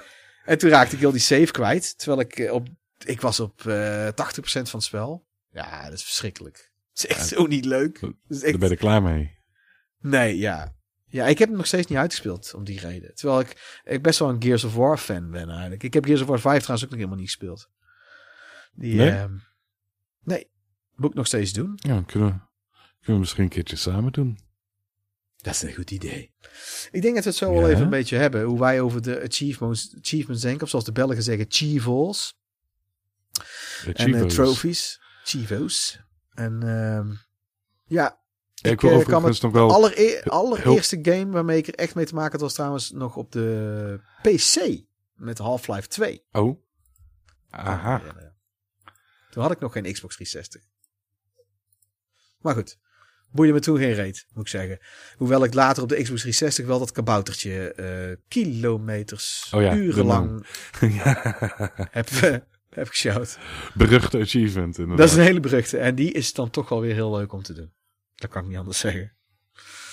Dat eh good old Valve. Die verder gewoon luie flikkers zijn en gewoon eens een keer deel 3 moeten uitbrengen. Maar goed. Ehm, ja, nou. Heb jij nog iets toe te voegen hieraan? Nou, eventjes nog, nog kort over True Achievements. Want daar was ik dus vooral eh, toen die website nieuw was, was ik daar heel erg actief. Ik heb ook eh, guides eh, geschreven en, en gemaakt. Wat is jouw En, naam? ehm, wat, ik, is jouw, wat is jouw True Achievement profielnaam? de, hetzelfde als mijn gamertag. Wil je dat niet zeggen? Voor de luisteraars. nee. Oké, dat hoeft niet. Het, het- hetzelfde als mijn gamertag. Oké. Maar ik, ik was heel erg actief in die community. eh ik Kaks, deed ook vaak... kaksmoker 666. Kaksmoker 666. Sorry. Nee, Ja? nee, sorry. Nee, de verkeerde, verkeerde Alex. Oh. oh. Eh, Moet ik even eentje Nee, wisselen ik, ik was vrij Xbox. actief in die community. eh, gaming sessies opzetten en dergelijke. En eh, ja, ik ben, er, ik ben er toffe, toffe mensen leren kennen. Ook eh, echte achievement hunters eh, die ik ook tot op de dag van vandaag nog, eh, nog, nog wel eens spreek. Ja. Ja, dat is mooi. Nou ja, Ja. zo, zo, zo heb je altijd ook wel goede kanten eraan dan natuurlijk. Ook, ook wanneer ook toen ik de, op de negatieve, slechte manier bezig was met die achievements, ben ik ook een hele hoop van die games gaan spelen die ik anders nooit zou spelen, waarbij ik ook heel vaak aangenaam werd verrast. En, en, en in die achievement hoogtijd bij mij, zeg maar. Ja. Het, eh, Maar ik ben blij dat is ik- het een hele mooie tijd om eh, een achievement hoor te zijn. Met, met Game Pass en, en dat soort services. Ja. Want eh, ja, ja, ja, ja. Je kunt, zoals je eerder zei, kun je gewoon een guide opzoeken. Wat, wat zijn de kortste games met de snelste gamerscore? Als, als je er echt zoveel om geeft. Nou, ik heb er toen één maandje, dus eh, ben ik er een beetje voor gegaan om zoveel mogelijk indies uit te spelen en zoveel mogelijk eh gamer points te halen. Bijvoorbeeld ook, eh, dat begon namelijk met mijn zoontje wou Inside spelen en Limbo. Hij houdt echt van die creepy spelletjes en Little Nightmares. Bijvoorbeeld Limbo. Ik, met die, met, die speel ik ook met plezier. Dus het speelt gewoon heel leuk. Maar daar heb je één achievement. Die, Met al die eitjes moet je dan vinden. En een van die laatste eitjes, ik heb precies gedaan wat de walkthrough zei. Ik heb precies gedaan dingen. Het, het lukt gewoon niet. Er is iets broken of iets wat ik verkeerd doe net. Ik heb e- exact, ik heb ook echt meerdere guides erbij gepakt die van misschien dat iemand dat iets anders zegt of doet wat die ander heeft gemist of voor lief neemt. En dan had ik, het heb ik, eh, zijn we één zondagmiddag mee bezig geweest. En toen ben ik ook mee gestopt. Fuck it. Ik hoef die fucking tering achievement niet. Het is gewoon helemaal niet leuk meer. Het, want naar mijn gevoel is er ook gewoon een bug of iets waardoor ik dat dan niet haal. Laat maar. Laat maar gewoon. Weet je wel, ik hoef dat fucking eitje niet, dat laatste ding te hebben. Te- tegenover wie bewijs ik dat dan? Tegenover mezelf? Nee, ik ben Ja, ik, ja. zelfvertrouwen genoeg dat me dat heus wel wel of niet zal lukken. En het interesseert me geen ene reet. en iemand anders die zegt, ja, bij mij eh, ging dat zonder moeite. Ja, ik had toch, eh, Ja, nou, fijn Peter, komt het dat jij die achievement niet hebt? Ja. Ik heb die wel. Of zoals Rens, Rens Review, eh, Ren van Rens Review zei, die ook nog een keer in de podcast hopelijk meedoet. Dat eh, die buddy van jou, dat die ook zei van, ja nou, eh, alle vrouwen staan nou, alle vrouwen in het dorp, hey. ja, staan we in, omdat ik, alle, omdat ik zoveel achievements heb gehaald. eh, ja. Nou, Wat ik het- het- aanraden voor de luisteraar trouwens. YouTube, Rens Reviews. ja. Amerikaanse gozer. Maakt echt eh, hele toffe game-gerelateerde video's. Ja, en hij is eh, zonder dat hij echt Amerikaans Amerikaans is met luchtlullen en een te groot ego. Wat toch stiekem veel Amerikanen hebben. Ja, stiekem. Nou, juist niet. nee, ja, het is een hele relaxe gast. We Publiek hebben, dus al, we hebben dus al een opname met hem gehad. En eh, die is fout gegaan. Want die, mijn PC crashte echt gigantisch hard, waardoor alles kwijt was. Eh, tot mijn eh, grote spijt. En eh, dat was super leuk met hem. Het is een, echt een, een... Je merkt ook aan alles dat het volgens mij gewoon echt een goede vent is. Anders was jij er ook niet mee bevriend. Dus dat, en hij is ook Nee. echt heel grappig. Hij heeft, wel leuk, hij heeft op een leuke manier uitgedacht en zijn eigen draai erin gevonden. Dat is echt leuk. Dat merk je ook aan alles. Ja, een dikke aanrader ook vanuit mij. Nou, dat gezegd hebbende, ehm ik, eh, wij stoppen ermee. Ik denk dat we het zo wel hebben. We gaan later denk ik nog wel een keer op terugkomen. En eh, ik denk dat we wijze woorden hebben gezegd over de voor's en tegens. En ook de, net als drugsreclame of eh, dingen, de, geniet. Maar Chivo met mate. Dat is naar mijn mening ook hier een, een, wijs, een wijs advies. Wil je lol hebben in je gaming dingen. Gaming live. En eh, ik ga denk ik nog eens een keertje de leukste games met achievements doen. Maar ik heb al wel wat opgenoemd. Heb jij nog specifieke games naast Deus Ex? Als laatste, als afsluiter. En Hitman en Dishonored. Ik denk dat jij Dishonored tof vindt. Ehm, ja, Hitman, eh, Dead Rising vond ik de achievements Oh ja. tof om te halen. Ehm, ja, eh, bepaalde oude arcade games die opnieuw zijn uitgebracht. Ja, dat is ook een Gewoon leuke. puur voor de, Ja. voor de challenge. Er zitten ook sommige bij, dat is dus meteen allemaal weer onhaalbaar. Maar je hebt ook die hebben hele leuke challenges erin zitten. Ja. Ja. Ja. En je hebt nogal wat arcade games momenteel ter beschikking. Het is een waar goudmijntje op dit moment. Dat is, ehm, ik heb die van Capcom allemaal gekocht. Die eh, Capcom Arcade Classics of zo. Dat is eh, Collection. Dat is Arcade Collection is volgens mij. Eh, maar komt Mhm. omdat elk, elke generatie brengt het opnieuw uit zoiets. En dan heet het weer net iets anders. Dat is echt, echt prachtig. Ook met het, dankzij achievements. Dat is wel een leuk extraatje om toch weer eens zo'n Street Fighter 2 te spelen. Ja, mee eens. Nou, without further ado. ehm, Achievement unlocked. You've reached the end of the episode. yes. Door puur naar dit gezwets te luisteren van twee Inderdaad. Nederlandse Brabantse game nerds. Sorry, game Plus 10 gamerscore. Plus 10. Ja, niet te veel geven hè. Nee, niet te veel. Nee, dan ga ik het nou verder afsluiten. Nou, bedankt voor het luisteren allemaal. Ehm, volg ons op, ehm, of volg mij, Retro Game Papa, op Instagram, eh, zou ik zeggen. En bezoek ook de website retrogamepapa.nl. En je kan je vragen stellen via peter.retrogamepapa.nl of via Instagram. En eh, je kan ook eh, een reactie in de comments op de website zetten bijvoorbeeld. En we hebben nou ook Patreon. En dat is eh www.patreon.com en dan slash retrogamepapa. En daarbij eh, komen extra episodes en content Vooral binnenkort ga ik dat plaatsen, want ik heb er een hoop, een hoop extra dingen klaarstaan. Maar ik krijg steeds niet af. Vanwege, nou, dan weer een lockdown En, en, eh, en allemaal werk, gezeik en alles. Dus dat, eh, En, en mochten de luisteraars verzoekjes hebben, dan, eh dan horen we dat graag. absoluut. Yes. Nou, mensen, tot de volgende keer. Bedankt voor het luisteren en eh trofee hoor erop los.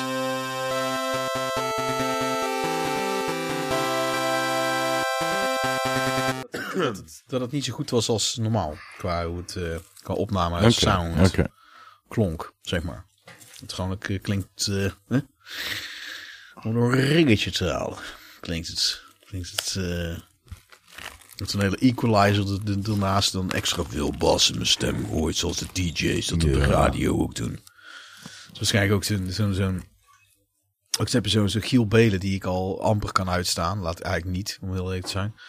En dat dan... Die heeft dan ook zo'n stem. Dat is dan een eh, radio-dj. Dan een hele succesvolle radio-dj. Heeft dan Dit is dan de stem die hij heeft. En moet je nagaan, dat, daar zit dan nog een equalizer overheen. Daar zit dan... Er, is, Ja. zit dan nog iemand achter Moet je voorstellen achter- hoe het... Ja, moet je je voorstellen hoe het raw klinkt. Ja, dat is unproduced. Ja, dat is gewoon heel... Dat is bijna niet voor te stellen.